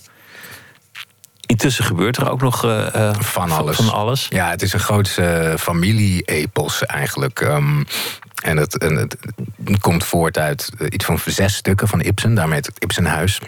Die, we begonnen het repetitieproces met zes stukken van Ibsen lezen. De regisseur houdt heel erg van Ibsen. En die luisterde gewoon naar hoe wij die stukken lazen. En die werd dan op idee gebracht van... ah ja, dus bijvoorbeeld die, die figuur uit dit stuk... die kan misschien wel de broers zijn van die figuur uit dit stuk. En die hebben dan samen een kind. En dat is dan het meisje uit dat andere stuk. Dus het is echt Ibsen in, in de remix helemaal. Er zit geen oorspronkelijke eh, lettertekst van Ibsen zelf in. Maar het zijn wel de thema's uit Ibsen. eh, alle thema- thematiek uit belangrijke Ibsen-stukken... in een nieuw verhaal gemaakt. En dat eh, spelen we in dat huis. En jij bent dan op het laatste verloren zoon die, die weer thuis die komt. terugkomt met een kwalijke mededeling en een, eh, en een Ja. moeilijk verzoek. Een tamelijk intensieve rol aan het eind. Ja, In het laatste half uur van, eh, van de voorstelling. ja. Wat gaat 2018 nog meer eh, brengen? Ehm, we gaan Ibsenhuis in Berlijn spelen. Daar heb ik heel erg zin in. En dan ga ik na de zomer ehm, voor het EGI echt aan de slag als vast ensemblelid bij het Amsterdam. Dus gewoon kijken wat er speelt en eh, wat je rol wordt. En, eh, Ja, dat is, dat is weer het, eh, dat is het ding van als je vast bij een gezelschap gaat, dan heb je zelf geen inspraak in de rollen die je speelt. Dus je krijgt gewoon een heel mooi overzichtje van dit, zo ziet jouw jaar eruit. Je gaat in dit en dit en dit stuk spelen met deze en deze en deze rol. Maar dat vind ik ook wel fijn om daar even helemaal niet, dus niet over na te hoeven denken. En me gewoon het, vert- het vertrouwen te leggen in, in de groep. Het is heel spannend en heel Heel leerzaam. spannend, ja. ja. Ja, heel leerzaam, heel leerzaam. Dankjewel dat je te gast wilde zijn. En veel succes met eh, de voorstelling en met alle andere projecten. Maarten Heijmans, Graag dankjewel. gedaan, jij ook eh, bedankt. En zometeen eh, Roderick Six, onze vaste schrijver deze week. En hij zal een verhaal maken bij de dag die achter ons ligt. En dat draagt hij even na ene voor. En eh Dien Boon komt op bezoek. Hij is dichter en performer. En hij heeft een bundel gemaakt, Bokman. En we gaan het ook hebben over een goudkoorts... die de stad Amsterdam zal overvallen. En Tom Vassaert, een eh, die vertelt wat zijn favoriete filmscène aller tijden is. Twitter, het VPRO NMS. En we zitten op Facebook en we hebben een podcast. Die kunt u downloaden via iTunes of via de site van de VPRO. Dat is eh, www.vpro.nl. Schuine streep, nooit meer slapen.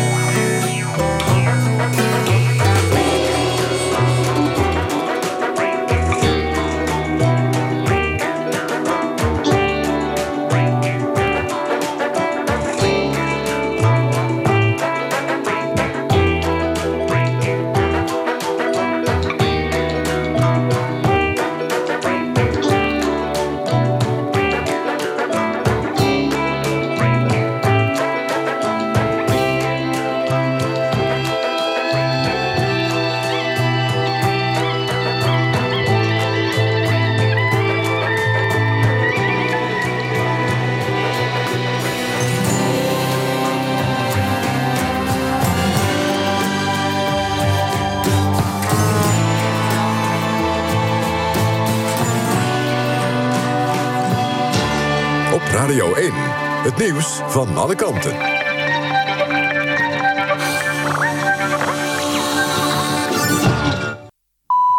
1 uur Eefje Kunnen met het NOS-journaal. Het oosten van Taiwan is getroffen door een zware aardbeving. De autoriteiten melden zeker twee doden en meer dan 200 gewonden. In de stad Hualin is een hotel deels ingestort. Vermoed wordt dat er mensen in het gebouw zitten opgesloten. Vlakbij het hotel is te zien hoe de weg is gescheurd. Ook hebben hulpdiensten uit voorzorg een brug gesloten. Honderden huishoudens zitten zonder stroom. De aardbeving in het oosten van Taiwan had een kracht van 6,4. Nog eens drie leden van Forum voor Democratie klagen over te weinig democratie binnen de partij. Ze sluiten zich aan bij twee leden die eerder al klaagden... en maandag uit de partij werden gezet. In een brief die NRC heeft gepubliceerd... spreken de drie leden van een keurslijf en een angstcultuur. Toch zeggen de drie klagende leden dat ze nog steeds achter partijleider Thierry Baudet staan... en dat ze zijn uitgenodigd voor een gesprek met het partijbestuur. Baudet zelf ontkent dat er onrust is in zijn partij. In Florida is de nieuwe raket van het bedrijf SpaceX van Elon Musk gelanceerd.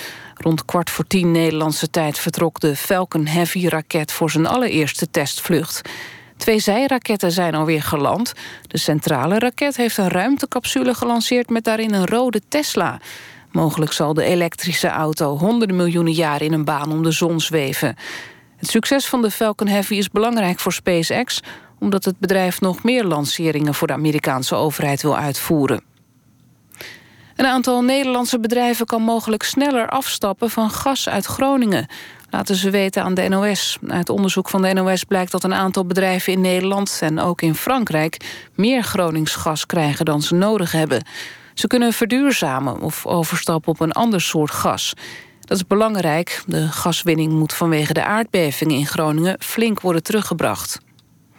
Voetbal. In de eredivisie is vanavond één wedstrijd gespeeld. Pek Zwolle won op eigen veld met 3-2 van Heerenveen. Het weer nog, het blijft helder bij min 4 tot min 8. In Limburg kan nog wat sneeuw vallen. Morgen zonnig, droog, weinig wind en ongeveer 2 graden. Dit was het NOS Journaal.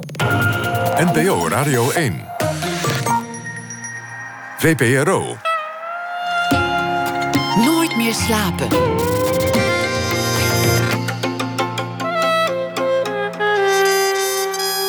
Met Pieter van der Wielen.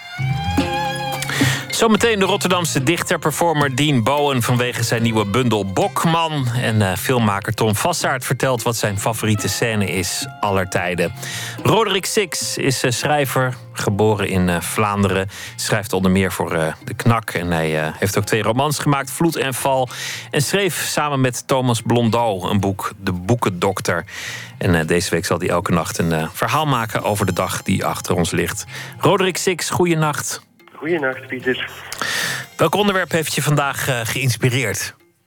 Wel, ik heb mij laten inspireren door de lancering van de Falcon Heavy een uurtje geleden. Um, dat uh, was toch wel weer een uh, hoogtepunt in de private ruimtevaart. Met een, een, Tesla aan boord voor het geval je nog ergens een stukje kunt rijden in het, in het buiten, buitenaardse. Inderdaad. Ik ben benieuwd naar je verhaal. Ga je gang. Beste Elon Musk. Terwijl ik snipverkouden door een vrieskoude stad banjer en mijn ogen op mogelijke rijmprekken gericht houd, kijk jij naar de sterren. Dat begrijp ik. Je bent geboren in Pretoria en ook ik heb het Zuid-Afrikaanse firmament aanschouwd. De nachthemel is er zo helder en de sterren zijn zo dichtbij dat het lijkt alsof je de Pleiaden zo uit de lucht kunt plukken. De aarde is voor jou niet voldoende. Je wil verder, Weg van deze verdoemde plek. Je wil een kolonie op Mars. Dus stuurde je een rakettenstratosfeer in. Succesvol. Proficiat daarmee. Toeval of niet, beste Elon, maar vandaag kreeg ik een reclamemail in mijn bus. Een platenmaatschappij biedt me een replica aan van de gouden plaat die meereisde met de Voyager. Ze werd samengesteld door Carl Sagan, nog zo'n visionair. En je kunt online fragmenten beluisteren die bedoeld zijn als visitekaartje voor buitenaardse wezens. Mensen die in meer dan vijftig talen hallo zeggen. Dierengeluiden. Mozart, Bach, Chuck Berry. Het beste wat de mensheid te bieden heeft. Allemaal op edelmetaal gestanst. En wat stuur jij de ruimte in? Een auto. Een van je Tesla's, die nu als ruimteschroot in een baan rond de aarde zal zweven. Niet meer dan een reclamestunt. Beste Ellen, dat kan beter. Veel beter. Maar goed, blijf vooral van de sterren dromen. Ja, dat contrast is inderdaad wel wonderlijk. Een, een, eh, een, gouden plaat met het mooiste wat aarde heeft, van, eh, van Bach tot Chuck Berry. En dan aan de andere kant een, uh, ja, een auto. Ja, het is een beetje een uh, schril contrast tussen wat de mens ooit wilde doen in de ruimte en wat, wat er gebeurt als je rijke mensen uh, speelgoed geeft. Aan de andere kant, ik las dat er nou eenmaal een soort contragewicht in de punt van het ding moest zitten. En dat ze daar normaal gesproken dan iets van, uh, van gewoon massief staal in stoppen.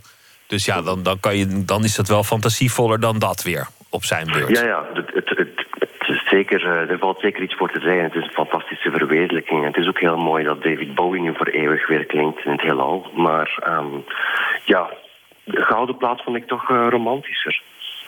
Er is ook ooit een reddetje geweest omdat ze op die gouden plaat oorspronkelijk twee mensen wilden afbeelden, maar die waren naakt.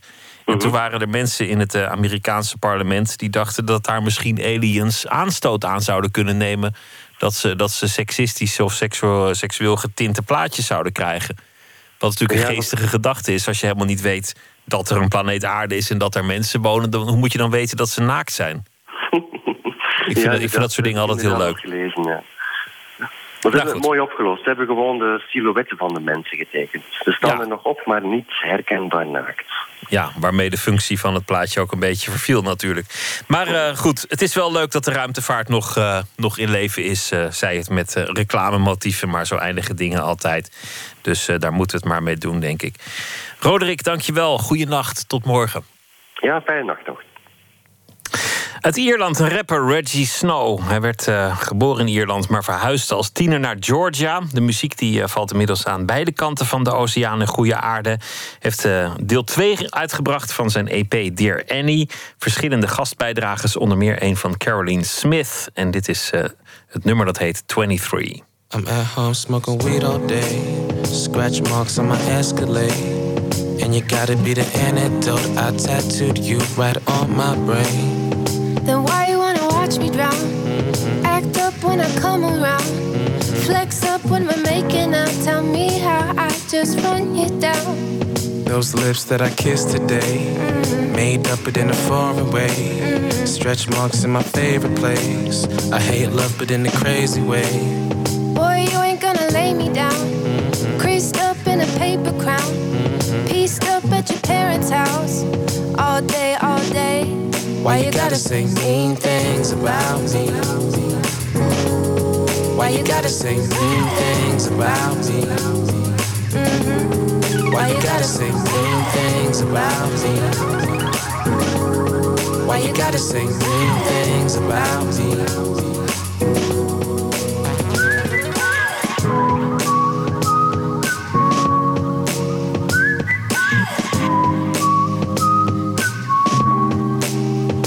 Rips on your skinny jeans. Your tattoos are wet on my sleeve. Your password ends in 23. Not safe, no way. You play dead like emergency. Your pants off and your jewelry. We make up so when the choir sings, I miss us, miss we.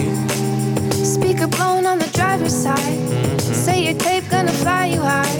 But all I hear is some overdrive. All day, all day. Why you gotta say mean things about me? Why you gotta say mean things about me? Mm-hmm. Why you gotta say mean things about me? Why you gotta say mean things about me? So why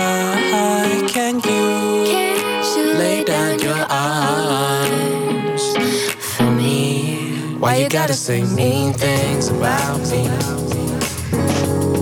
Why you gotta say mean things about me? Mm-hmm. Why you gotta say mean things about me? Why you gotta say mean things about me?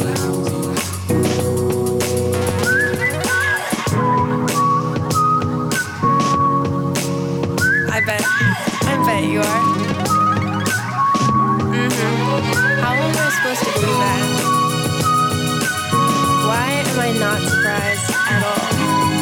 You know it's you. You're just saying that. nah, that shit's not true.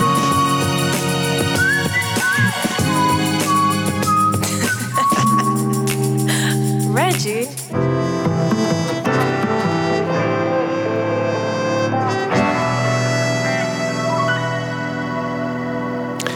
De rubriek heet Open Kaart. 150 vragen over werk en leven. De bundel heet Bokman en de dichter zit tegenover me, Dien Bowen. En hij, hij graaft naar vergeten geschiedenissen. Te beginnen bij zijn eigen leven. Een uh, afkomst van verschillende landen en gebieden die allemaal bij elkaar komen. En dit is uh, zijn plek. En uh, dit is zijn debuut als dichter. Dien, hartelijk welkom. Goedenavond. Leuk dat je hier bent. Dit, dit is een, een, een bundel die. Nee, laten we eigenlijk helemaal bij het begin beginnen. Je, je hebt een bundel. Laten, ja. laten we het daarover hebben. Voor we gaan het hebben over het feit wat erin staat en, en, en, en hoe mooi dat is. Maar je hebt een bundel. Had je ooit gedacht vroeger als kind dat je, dat je een dichtbundel zou schrijven? Um, nee, als ik heel eerlijk moet zijn, niet. Um, en dat is niet omdat ik het niet hoopte. Maar omdat ik echt met geen voorstelling. Ik kon mezelf geen voorstelling maken van hoe je dat dan zou realiseren. En, um, en jaren later, dan beslis je eindelijk iets met, met dat poëzie-ding te doen. En um, ook, nogmaals, ja, waar, ik vandaan kom, is het uh, maken van een boek nog steeds een soort alien ding. Um, dus het, het voelt nog steeds heel erg onwerkelijk. Jij komt niet uit een omgeving waar mensen wekelijks dichtbundels maken? Nee, nee, niet direct. En dat is echt niet omdat het niet van huis uit gestimuleerd is. Ik bedoel, um, mijn zusje en ik zijn grootgebracht met, ja, met, met, met voorstellingen, met voordrachten, met, met theater. Dus van huis uit is het belang uh, van de verschillende cultuuruitingen altijd uh, meegegeven. Maar ja, ik, ik hield van schrijven en dat was iets wat ik in kleine schriftjes deed, um, zonder daar direct een plan voor te hebben. Zonder het ook meteen de wereld in te sturen en dan ook de weg te weten hoe je dat, uh, hoe je dat zou moeten doen. Precies. Je, je zegt waar ik vandaan kom, daar begint de bundel eigenlijk ook. Het begint klein met de vader, het nest, het gezin waar je vandaan komt. Dan de afkomst in, in geografische zin, waar hoor je eigenlijk. En dan dijt het uit. Het gaat over, over je plek als, als mens op aarde, als, uh, als ziel in het universum, et cetera, et cetera. Dat klopt. Waar, waar, waar, kom je vandaan als je dat zou moeten definiëren? Want dat is, dat is eigenlijk een heel complexe vraag. Dat is een heel erg complexe vraag. En ik denk een vraag die vooral als je kijkt naar het uh, publieke debat op dit moment... eentje die ongelooflijk um, urgent en relevant is. Um, ik heb het nog steeds niet kunnen achterhalen. Zelfs niet na het schrijven van deze bundel. Wat zou je normaal antwoorden als iemand zou zeggen... waar kom je vandaan? Dan zeg ik, ik, uh, ik, ben, ik ben opgegroeid in Zoetermeer. Nou, dat is, toch, dat is al een, een mooi antwoord, toch? Absoluut. Dat is ja, lekker concreet. Ja, het, het, heeft iets met een plek meestal, zo'n antwoord. Dat, dat is ook zo. En als ik denk van waar ligt de basis voor wie en wat ik um, uh, geworden ben... dan ligt die absoluut in Zoetermeer. Maar naarmate iemand ouder wordt, ga je zoeken naar wat, wat betekent. Um, uh, wat betekent je culturele komaf? Wat betekent je etnische komaf? Um, je wordt ook geconfronteerd met situaties die je uh, in zekere uh, op een zekere manier anderen. dus je constant confronteren met het feit dat er. Dat je na moet denken over de positie die je inneemt in de wereld, in een bepaalde situatie. En als zodanig is dit boek, denk ik, een, een soort persoonlijke ontleding van um, de, de verschillende lagen waaruit um, ikzelf uh, en misschien ook andere mensen bestaan. Want jij, jij komt uit een aantal culturen, zou je kunnen zeggen. Je hebt, je hebt uh, een oorsprong in Zuid-Afrika voor een deel in jouw familie, Suriname. Uh, nog een aantal plekken, geloof ik. Nou, mijn persoonlijke oorsprong ligt niet noodzakelijk in Zuid-Afrika. Ik zal er zo wat over zeggen, maar mijn, uh, mijn, mijn culturele oorsprong ligt in Zuid-Amerika. Uh, mijn moeder komt van Suriname en mijn uh, vader van Guyana, voormalig Britse kolonie. Um, waarom Zuid-Afrika een plek heeft gevonden in de bundel is omdat ik in september was uitgenodigd om deel te nemen aan een literair festival daar.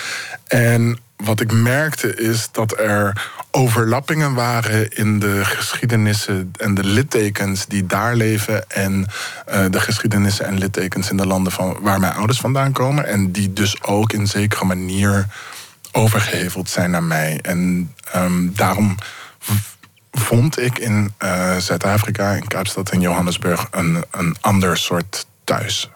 Je vond daar een soort bewustzijn. Je, je herkende daar dingen. Ja. Je, je stelt een vraag aan je, aan je vader.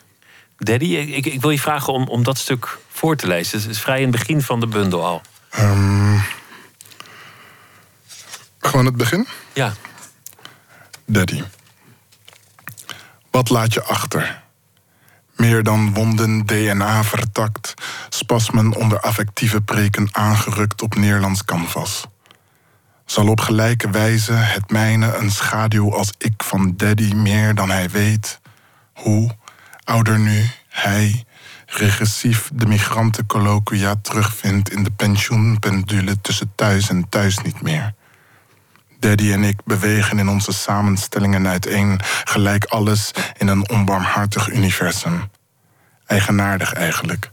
Hoe plekken voor alles zich vertalen naar alles een plek. Zoals een klein kind pap noemen, alsof je wist dat ooit, of dat is te zeggen snel, als ik hopen mag. En ik heb je vergeven wat je bent, omdat ik iedere dag dichter bij jou alsof blauwdrukken niet herschreven kunnen. Daddy, soms wil ik dat wij een kathedraal waar we weten welke rituelen er nog altijd in ons huizen. Een biecht voor wat er misliep, hoe de pot overkookte. Ik bid niet meer. We blijven hangen in de ruimte als de wierook uit het tribulum. Al het andere is wat ik van je reproduceer als weergalmen. Schertsend ademt het gewicht van ons onvermogen onszelf bijeen te rapen. Stapvoets schuift Daddy in het metrum van mijn vaders vader steeds meer. Een scherf. Man. Hart. Je gaat, je gaat echt, echt ehm, ver in, in, in wa- in wat je, wat, je- wat, je, zegt, zeg maar. Je lost heel veel dingen op. De band met je vader, zijn, zijn, zeg maar, het, gloeien van zijn hand op je, op je wang als hij een klap gaf. De conflicten die jullie hebben gehad, je dankbaarheid, wat je hebt vergeven. Het zien van zijn worstelingen. Daar begin je al. En, en, en zo ga je door. En eigenlijk in niets hou je iets achter. Het, het lijkt alsof, alsof aan deze bundel ook een enorme periode van reflectie vooraf moet zijn gegaan. Zeker wel. Ehm, ik denk dat het een kwestie is van schrijvend ehm, jezelf weer leren kennen. Ehm, er, is, er is een hele lange tijd geweest dat ik niet zo goed uit de, de vraag van wat moet een bundel zijn eh, kwam. En ik denk dat de oplossing vooral kwam op het moment dat ik het los kon laten. En eigenlijk als schrijvende al deze ja, associatieve wolken waardoor ik eh, heen beweeg, ehm, die liet uitkristalliseren. En zodoende kwam ik op ehm, herinneringen, op overpeinzingen, overwegingen, ehm, die opeens kloppend leken. En die heb ik dan maar precies zoals ze opkwamen eh, laten staan. En de vorm beweegt mee naarmate het groter wordt en politieker wordt en steeds meer gaat over identiteit en, en, eh, en, en nou ja, je plek op de wereld. Neem je ook steeds wildere vormen aan in je poëzie. Klopt. Hoe is dat gegaan? Ehm, een gedicht klopt voor mij pas als het ehm, niet alleen qua inhoud is waar, wat ik vind dat het moet zijn, maar als het ook in zijn vorm op de pagina klopt, als het. ehm, ehm, als de sonische kwaliteit ervan klopt. Daarom is een gedicht voor mij ook nooit af totdat ik het hardop heb uitgesproken en ik vind dat het ehm, eh, als, als, als muziek ook klopt. Ehm, maar wat ik merkte is dat ieder verhaal, ehm, dus ook op de pagina, een andere constellatie nodig heeft om, ehm, om soms de pauzes te vangen in een verhaal, om soms ruimte te laten voor ehm, mijzelf als de schrijver van de gedichten, maar ook de lezer, om ehm, een invuloefening te geven. Ik denk dat er een bewustzijn in steekt dat verhalen ten alle tijde doorspookt zijn van andere mensen, hun indrukken, eh, overwegingen en contemplaties. En ik wil daar, wilde daar heel graag eh, ruimte voor scheppen om niet mensen enkel mijn verhaal op te dringen, maar een soort toegeving te maken dat, ehm, dat ook hun verhalen echoen in ehm, dit boek. Die ruimte moet er zijn. Dus als het ware dat je, dat je wit laat zodat iemand zijn eigen gedachten kan mengen met jouw gedachten en mee kan gaan in die, in, in, die, in die stroom of in die reis. Ja, precies. Vooral omdat ehm, ik nogal de neiging heb om in een hele compacte, of nou, compact is niet het woord. Een hele, eh, in een grote dichtheid te schrijven. Eh, heel veel indrukken, beelden op elkaar stapel die ehm, niet noodzakelijk een soort prozaïs narratief creëren, maar ehm, wel een soort wervelstorm creëren waar je dan in het oog van begeeft. En ehm, niemand kan zo leven. Dus ik denk dat pauzemomenten eh, essentieel zijn. We gaan beginnen met eh, de kaarten. Wil je een eh, vraag trekken, alsjeblieft? Ehm, laat ik deze doen. Waar hebben je ouders je altijd voor gewaarschuwd? dat is in het kader van deze bundel. Dat is een heel toepasselijke vraag, ja. Zeker wel.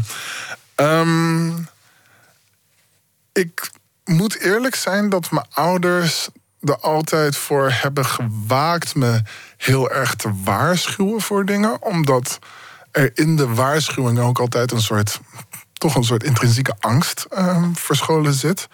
Ehm, ze hebben me altijd attent gemaakt op dingen. Eén daarvan is dat de wereld je op te veel momenten zal opdringen dat je ehm, wat je vindt, wie je bent of wie je, wie je poogt te worden, ehm, dat dat of niet genoeg is of niet toegestaan is. En eh, mijn ouders hebben me altijd erop geattendeerd dat, ehm, dat ik in staat ben om voor mezelf te bepalen eh, in hoeverre ik dat laat bepalen wie en wat ik ben en word. Dus, ehm, dus het was niet zozeer een waarschuwing als wel een let hierop. Nou ja, in, in zekere zin ook wel een waarschuwing. Je zult, je zult oordelen op je pad vinden. Zeker wel. trek je er niet te veel van aan. Zeker wel. Kies je, kies je weg. Laten we nog een kaart doen. Doe maar. Ehm, wanneer is je werk gelukt? Het zijn wel weer goede vragen. Ehm, ik weet niet wanneer mm, werk daadwerkelijk gelukt is. Er staan twee, eh, twee gedichten in deze bundel die ehm, eigenlijk vanaf het moment dat ik ze geschreven heb, waar helemaal niets meer aan veranderd is. En je kan, zou kunnen zeggen dat die helemaal gelukt hebben, eh, zijn, omdat dat zijn ook een soort portalen die erin staan. Dat iedere keer als ik ze weer lees, dan transporteert het me ook echt naar precies dat moment. Ehm, maar ik denk dat het fijne van werken en het vooral dit soort werk, het schrijven, eh, is dat je altijd kan blijven sleutelen. Is dat er dat het nooit uitgekristalliseerd hoeft te zijn en dat je ook ehm, tevreden kan zijn in wat het werk op dat moment moest zijn. Ehm, dat was heel lastig ten opzichte van dit boek. En daar heb ik eh, genoeg mee geworsteld met mijn En redacteur. dat lijkt me zo eng dat het dan op een gegeven moment af is en gedrukt en, en daar staat. En, toch, dan toch je er is dat meer. heel erg nodig. Ehm, want anders blijf je voor de rest van je leven sleutelen aan het werk. Anders is het nooit af. En ehm, dat, dat was zo fijn aan het redactionele proces... dat mijn redacteur hele heldere vragen kon stellen. Dat ik die ook eh, soms met moeite kon beantwoorden. Maar dat die antwoorden me dus sterk in de overtuiging van... dit is wat het nu had moeten zijn. En ik kan me voorstellen dat ik over tien jaar terugkijk op deze bundel... en denk van, ah, had ik maar. Maar ehm, de tevredenheid waarmee ik nu naar het werk kijk... zegt mij dat het werk af is. Dit is wat het nu moet zijn. Precies. Nog een eh, vraag. Doe maar. Wie zou je willen zijn? Ehm, verkeerde vraag. Hoezo? Omdat ik ehm, niemand anders zou willen zijn. Ehm, en als ik het zou moeten relateren op mezelf, dan. Ik word iedere dag wakker met het idee dat ik voor de spiegel moet kunnen staan en het volledig eens moet zijn met wie ik daar zie. Ehm, daarnaast maak ik mezelf altijd de belofte om vandaag te proberen een betere versie van mijzelf te zijn dan wie ik gisteren was. Ehm, Dat, dat is denk ik al moeilijk genoeg. Ik bedoel, tevreden zijn met wie je bent, dat, dat zal niet altijd lukken. Dat lukt bijna niemand. Maar laten we het morgen beter doen dan vandaag. Precies. Hey, heb, heb jij niet, want dat heb ik dan wel, dat ik af en toe iemand zie en denk, nou, die man wil je eigenlijk niet zijn. Dat, dat heb ik dan als een soort reminder naar mezelf van. Wat die man daar doet, dat, dat, eh, daar moet ik aan denken. Zo moet je het niet doen. Ehm, Of, of juist wel, dat je denkt, goh, dat, dat is. eh, Dat, is mooi. Dat, dat, eh, dat, dat had ik vroeger meer dan, ehm, dan tegenwoordig. Wat ik heb gemerkt, en dat heeft, heeft daar echt mee te maken dat ik. Met, met eigen levenservaringen, met gesprekken die ik met mensen heb gehad, is dat gedrag en ehm, manieren van jezelf manifesteren in de wereld niet nergens vandaan komt. En ik probeer dat oordelende aspect zoveel mogelijk te, te disqualificeren omdat ik niet iemand anders leven heb geleefd. Dus ik weet ook niet wat iemand tot een bepaalde modus van opereren in de wereld heeft gebracht. En als zodanig ben ik liever nieuwsgierig dan oordelend. Is ook beter uiteindelijk. ja. Nou, oké, we gaan nog een, eh, nog een vraag doen. Doen we. Welke rotstreek heb je geleverd om je werk voor elkaar te krijgen? Oh. Ehm, nou, ik, ik weet niet of het een rotstreek is. Ehm, ik heb wel eens. ik schaam me nu eigenlijk alweer kapot. Ehm, ik ben eens een keertje op pad gestuurd om het werk van iemand anders ehm, eh, aan te prijzen. ehm, lang geleden. En toen kon ik het niet laten om heel erg ordinair mijn eigen werk toe te voegen en te zeggen van nou, maar begin eerst met dit te lezen. Ja, en dat was helemaal niet ten nadele van de ander, want ik heb die net zo goed eh, aangeprezen. Maar ik, ik, wist, ehm, ik wist dat mijn werk anders niet op die plek zou komen. En ik was gewoon heel erg benieuwd naar wat het werk op die specifieke plek zou doen. Ehm, uiteindelijk heeft het me niet superveel opgeleverd. Gewoon wat, eh, wat, wat, wat waardevolle commentaren. Wat, nou ja, eh, ook zinnig is. Maar ik denk dat dat wel... Dat vind ik een rotstreek. Verder probeer ik mensen Ja, dat niet te ik, gaan dat loer te vind ik helemaal geen. Dat is niet een rotstreek. Niet? Ja, ik, Nee, ik weet niet. Dat, is, dat, vind ik, dat vind ik een soort van klassiek als in een, als in een, eh, een Hollywood-droom van iemand die een baan neemt in de postkamer met als enige wens om zijn script op, op het bureau te leggen. Ja, precies. Zo moet je dat zien. Ja, ja, en dan toch. Nou, maar dat, dat zegt misschien dan wel veel over mij. Maar dat, daar, daar, dat, dat knaagt dan toch op het moment dat ik zo geconfronteerd word met zo'n vraag. Omdat het eigenlijk niet mocht. Ja, we, gaan- we gaan nog, eh, nog één mooie vraag doen. Ja. Geloof je in goed en kwaad? Ehm, nee. Dat zei je net eigenlijk al een beetje. Dat, je- dat je iemands verhaal moet kennen om te kunnen oordelen. En dat je daarom maar beter niet te veel kunt oordelen. Nou, precies. Eh, Daarbij zijn goed en kwaad natuurlijk van die ongelooflijk relatieve ehm, overwegingen. Dus ja. Ik, ik geloof niet in de uitkristallisering van goed en kwaad. Ik geloof wel dat we in staat zijn om voor onszelf te bepalen wat we wel en niet zouden willen hebben rond ons, of wel en niet zouden willen doen.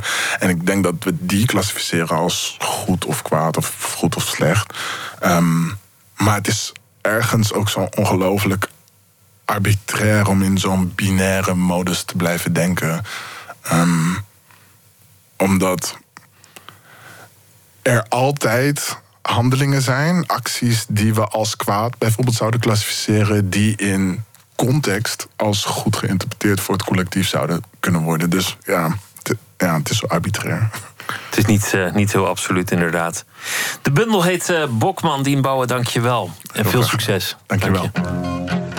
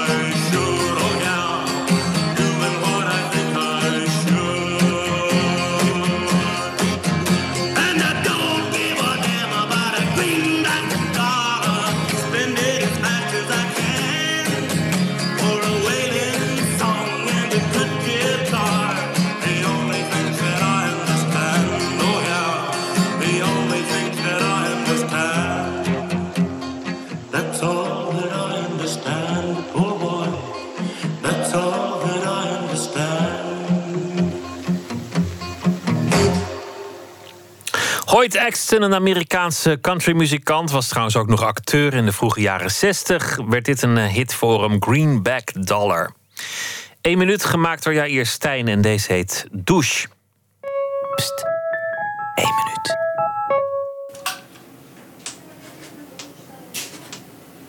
Doe eerst je schoenen doe maar uit.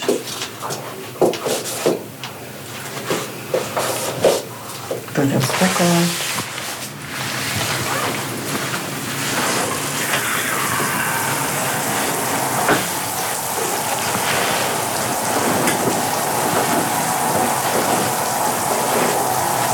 t-shirt.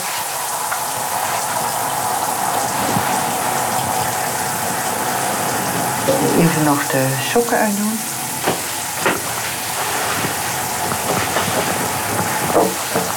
Onderbroek uit.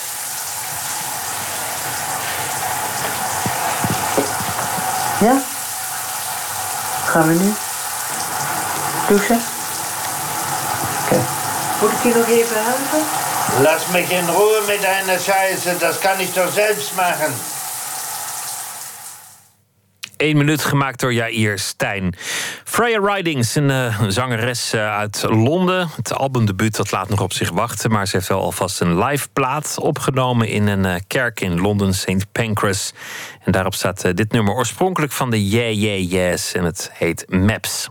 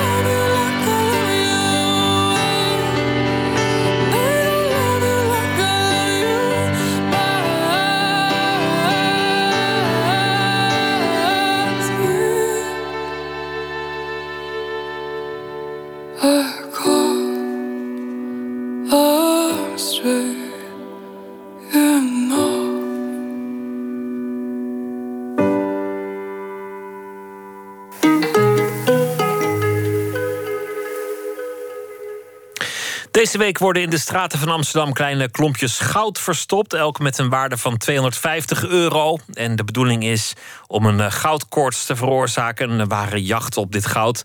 Gold Rush Amsterdam heet eh, de organisatie. En het doel is eh, kunstzinnig, namelijk om het bewustzijn over het koloniale verleden wat bij te spijkeren. Miguel Heijbron is een van de initiatiefnemers. Goedenacht, Miguel. Dankjewel. Goedenavond. Waar ongeveer komen die klompjes te liggen? Eh, nou ja, dat is de vraag natuurlijk. Eh, er zijn eh, twee klompjes verstopt ergens op een plek in Amsterdam. En deze week wordt elke dag om 12 uur 's smiddags een eh, ehm, aanwijzing bekendgemaakt via onze Facebook-page. Dus Gold Rush eh, AMS is het, van Gold Rush eh, Amsterdam. Ehm, en dan is er een bepaalde zwarte envelop die ergens ligt. En ehm, ja, door de aanwijzingen te volgen kunnen mensen erachter komen eh, waar de goudklompen liggen. Dus je moet letten op aanwijzingen op Facebook en op zwarte enveloppen. En, en hoe zijn dan de, de klompen goud zelf verpakt? Eh, ja, het zit, het zit in, een, eh, in een capsule, zeg maar. En nou, wat nog wel leuk is, eigenlijk de vinder. Eh, want je, het, het idee is dat je langs allemaal plekken komt eh, eh, in de stad... die verbonden zijn met ehm, ja, dus de slavernijgeschiedenis... of de koloniale geschiedenis van Amsterdam. Dus eigenlijk de duistere kanten van, van de Gouden Eeuw. En ehm, aan het eind heeft de vinder eigenlijk de keuze: hou je het geld zelf? Of na alle dingen die je hebt geleerd, wil je het doneren eh, aan een organisatie die ehm, ja, werkt aan de kennisverspreiding van eh, ehm, ja, kennis van het slavernijverleden? Zoals bijvoorbeeld het uh, Slavernijinstituut NINSE of de Black Heritage Tours en nou, vele andere organisaties die er zijn.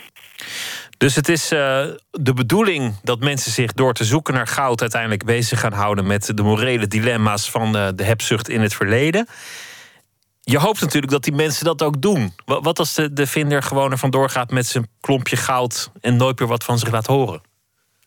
Nou, dat, dat, dat kan ook. Eh, het is eh, nou, leuk om te zien. Eh, ik bedoel, het, het is natuurlijk een, een speelse manier om ja, mensen te verleiden om ja, zich meer te verdiepen aan dit verleden. Wat, wat eigenlijk op heel veel plekken in Amsterdam nog heel zichtbaar is. Maar wat, je, eh, ja, wat heel veel mensen normaal niet weten of, of niet zien. En je merkt wel dat dat heel goed werkt. Dus eh, mensen kunnen eh, ja, dus op de locaties de aanwijzingen vinden.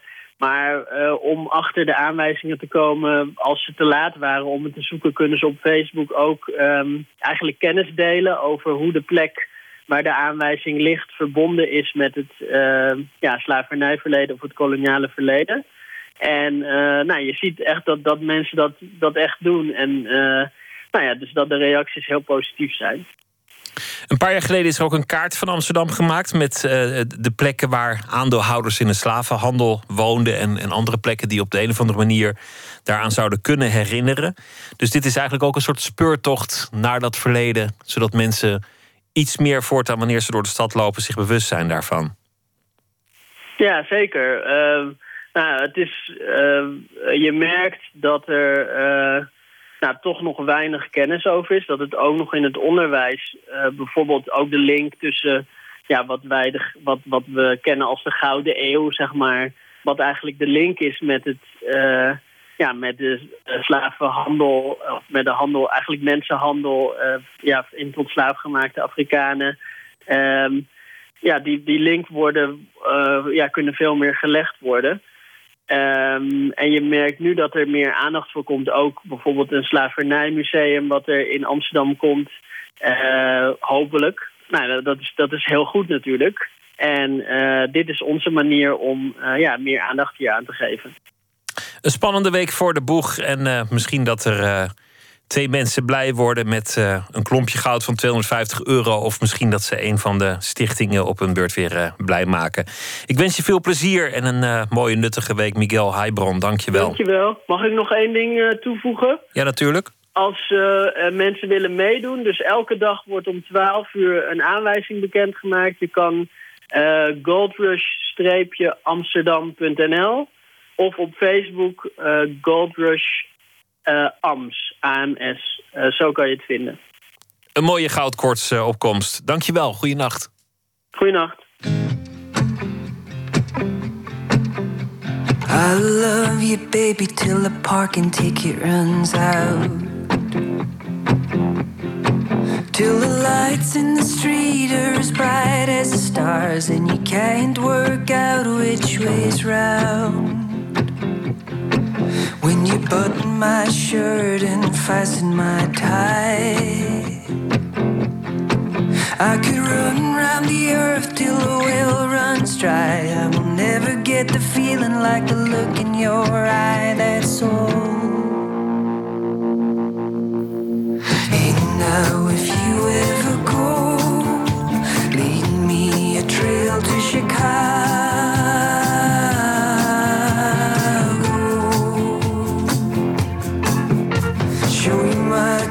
like a second day bruise. And a glow like a coin under a dead dog moon. Anytime that I'm alone with you, my blood is wicked and my heart is wild. But I come to you every like a child. Won't you take my hand just one more time? That's all. Hey, now if you ever go, lead me a trail to Chicago.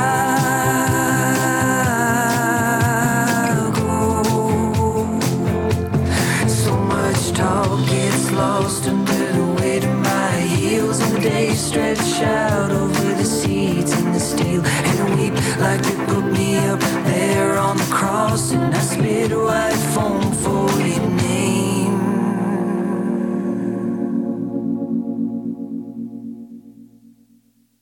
Come wrap me up in a blanket of dirt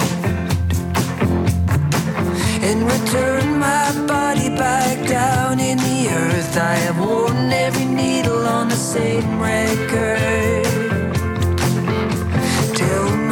Friend not to fall behind. Tell the man in the street who waits in line to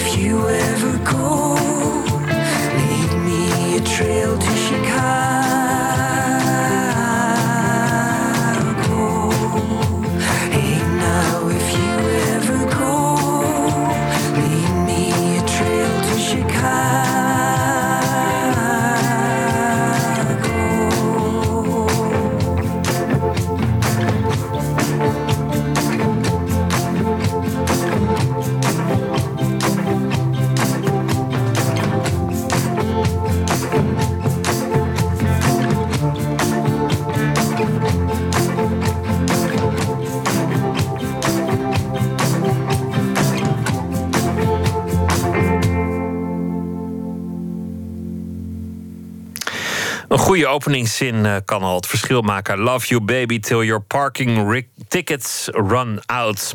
Kieran Leffrey was dat en het eh, nummer heette To Chicago. Komt uit eh, Ierland en speelt eh, 9 mei in Utrecht in Tivoli Vredeburg. Welke scène uit een favoriete film zal u altijd bijblijven? Dat vroegen we aan eh, bekende filmmakers. Vandaag de favoriete scène van documentairemaker Tom Vassaert.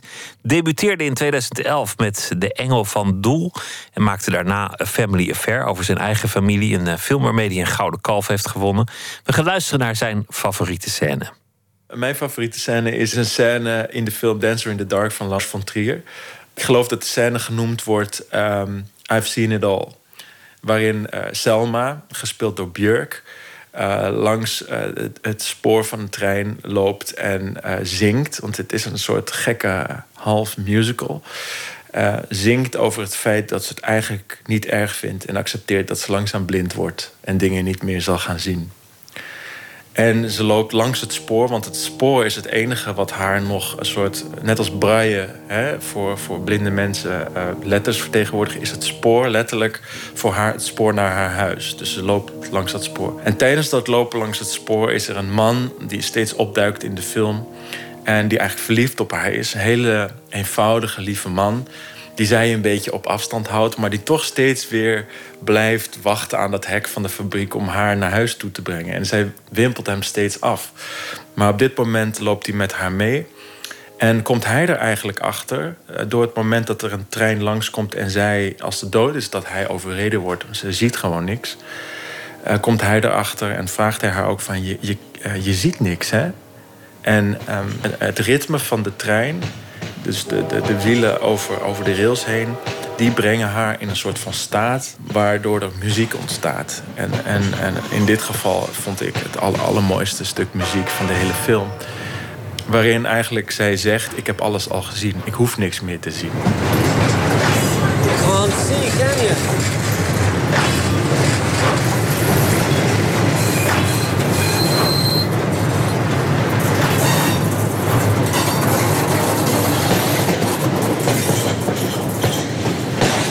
What is there to see?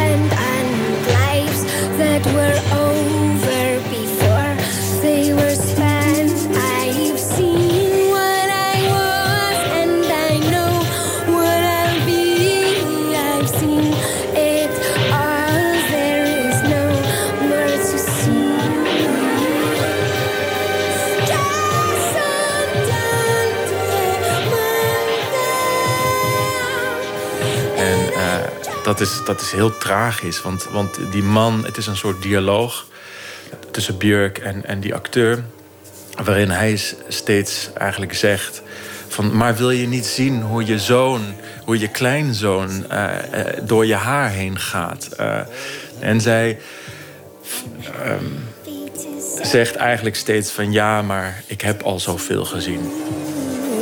What about China? Have you seen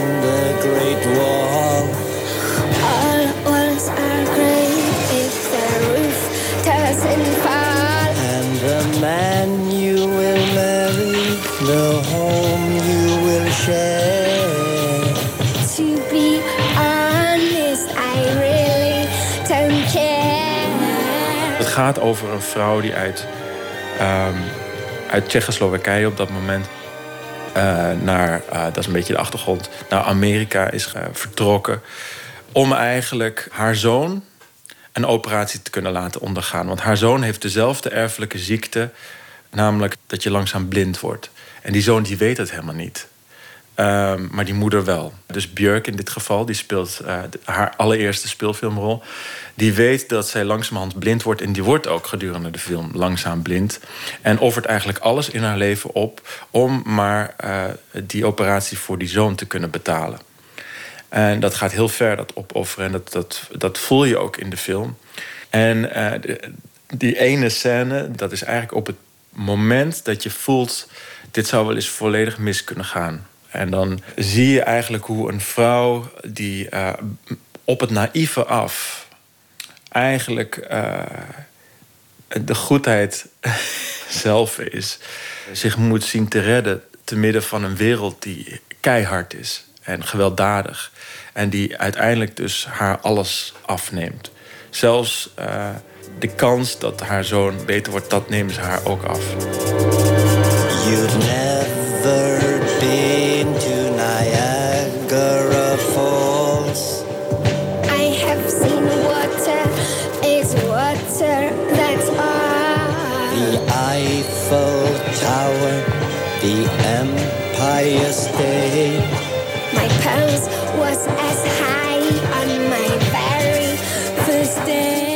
Dancer in the Dark was een film die ik zag toen ik in het eerste jaar van de filmacademie zat.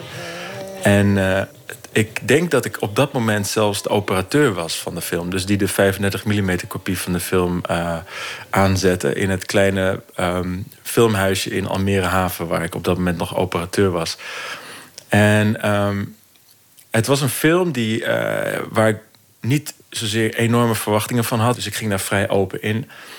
Maar toen ik die film zag, toen eh, zowel eigenlijk op, op filmmakersniveau, dus hoe die gemaakt is, als eh, op diep menselijk emotioneel niveau, eh, was het echt een soort van klap in mijn gezicht. Ik dacht echt van wow. Dat was de tijd nog voor de GoPro's. Dat was de tijd dat de meeste films nog op 35 mm werden gemaakt. Helemaal grote speelfilms. Maar Lars von Trier koos heel bewust voor video en heel bewust voor een hele documentaire aanpak. Dat had hij al wel eerder geprobeerd, maar dit was eigenlijk nog verder. Hij is heel erg aan het improviseren. Hij zet de acteurs in een situatie en laat het los. En gaat er tussen dansen met zijn camera. Zoomt in, zoomt uit. Het is heel onrustig gefilmd, maar heel erg in het moment. Uh, heel documentair. En uh, daarnaast maakt hij gebruik van een honderdtal uh, mini-DV-cameraatjes... die hij in zijn musical scènes in die film inzet. Gewoon op, op uh, vaste punten. En maakt daar uiteindelijk een montage van. Nou, dat op filmmakersniveau had ik ook nog nooit gezien. Uh, vond ik heel gedurfd en heel um, intens. Maar de, de, de, emotionele laag in die film... Um, dat was echt hetgene wat me helemaal van mijn sokken blies.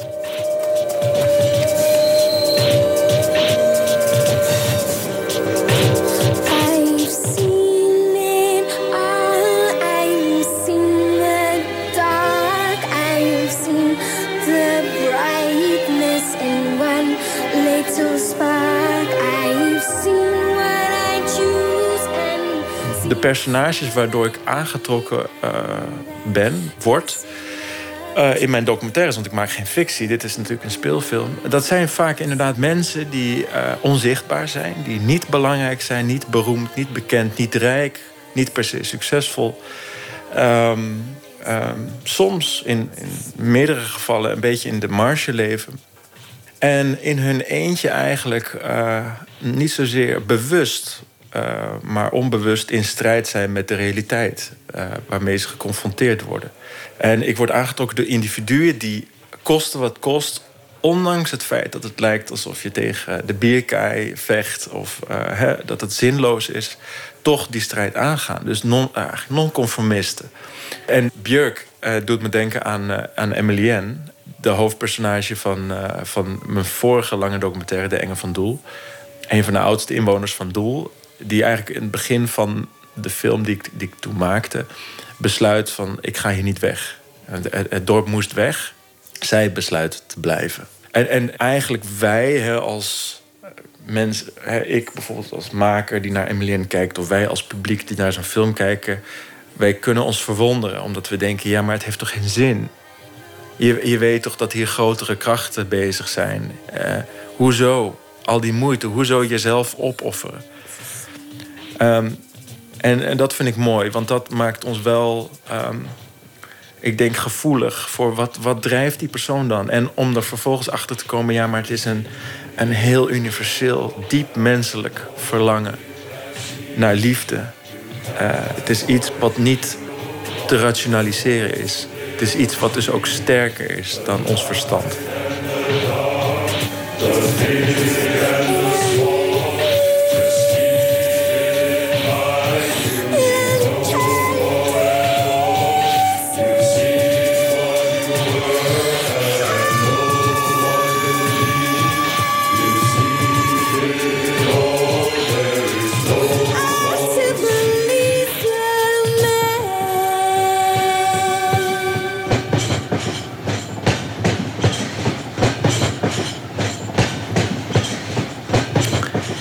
Tom Vassaert, filmmaker over uh, Dancer in the Dark van Lars von Trier uit 2000.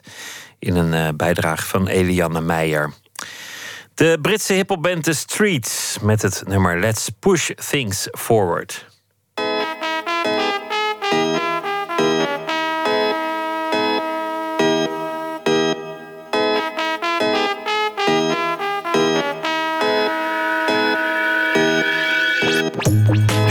Down, it's the upbeat, make it complete. So what's the story? Guaranteed accuracy, enhanced CD. Latest technology, darts at treble 20. Huge non-recoupable advance, majors be vigilant. I excel in both content and deliverance. So let's put on our classics and we'll have a little dance, shall we? No sales pitch, no media hype. No hydro, it's nice and ripe. I speak in communications in bold type. This ain't your archetypal street sound. Scan for ultrasounds, north, south, east, west, and all round. And then to the underground. You say that everything sounds the same. Then you go by them. There's no excuses, my friend. Let's push things forward. You say that everything sounds the same. Then you go by them. Friend. Let's push things forward. As we progress to the checkpoint, I wholeheartedly agree with your viewpoint, but this ain't your typical garage joint. I make points which hold significance. That ain't a bag, it's a shipment. This ain't a track, it's a movement. I got the settlement. My frequencies are transient and resonate your eardrums. I make bangers, not anthems. Leave that to the artful dodger. The broad shouldered 51% shareholder. You won't find us on Alta Vista. Cult classic, not bestseller. You're gonna need more power. Plug in the three phase and the generator. Crank it up to the gigawatts. Critics ready with your pot shots. The plot thickens. Put on your mittens for these sub zero conditions. But remember, I'm just spitting. Remember, I'm just spitting. Once bitten, forever smitten. You say that everything sounds the same. Then you go by them. There's no excuses, my friend.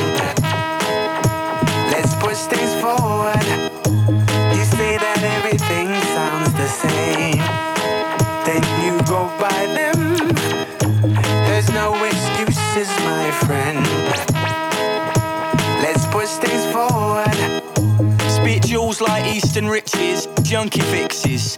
Around here we say birds, not bitches. As London Bridge burns down, Brixton's burning up. Turns out you're in luck, 'cause I know this dodgy fucking the duck. So it's just another show flick from your local city poet. Case you geezers don't know it, let's push things forward. It's a order, but we're taller. Een van de hits eh, van het begin van dit decennium van The Streets. En dat draaien we omdat ze hebben aangekondigd dat ze dit jaar weer bij elkaar zullen komen. En nieuw werk zullen afleveren. En eh, nou ja, dat zal allemaal heel prachtig worden. Morgen dan eh, komt Oscar van Gelder op bezoek, uitgever. En hij heeft een eh, boek geschreven over eh, de kunstwereld. Want hij is ook een groot verzamelaar van de kunsten. Dat allemaal morgen in Nooit meer slapen. Voor nu een hele goede nacht. Morgen een leuke dag en tot dan.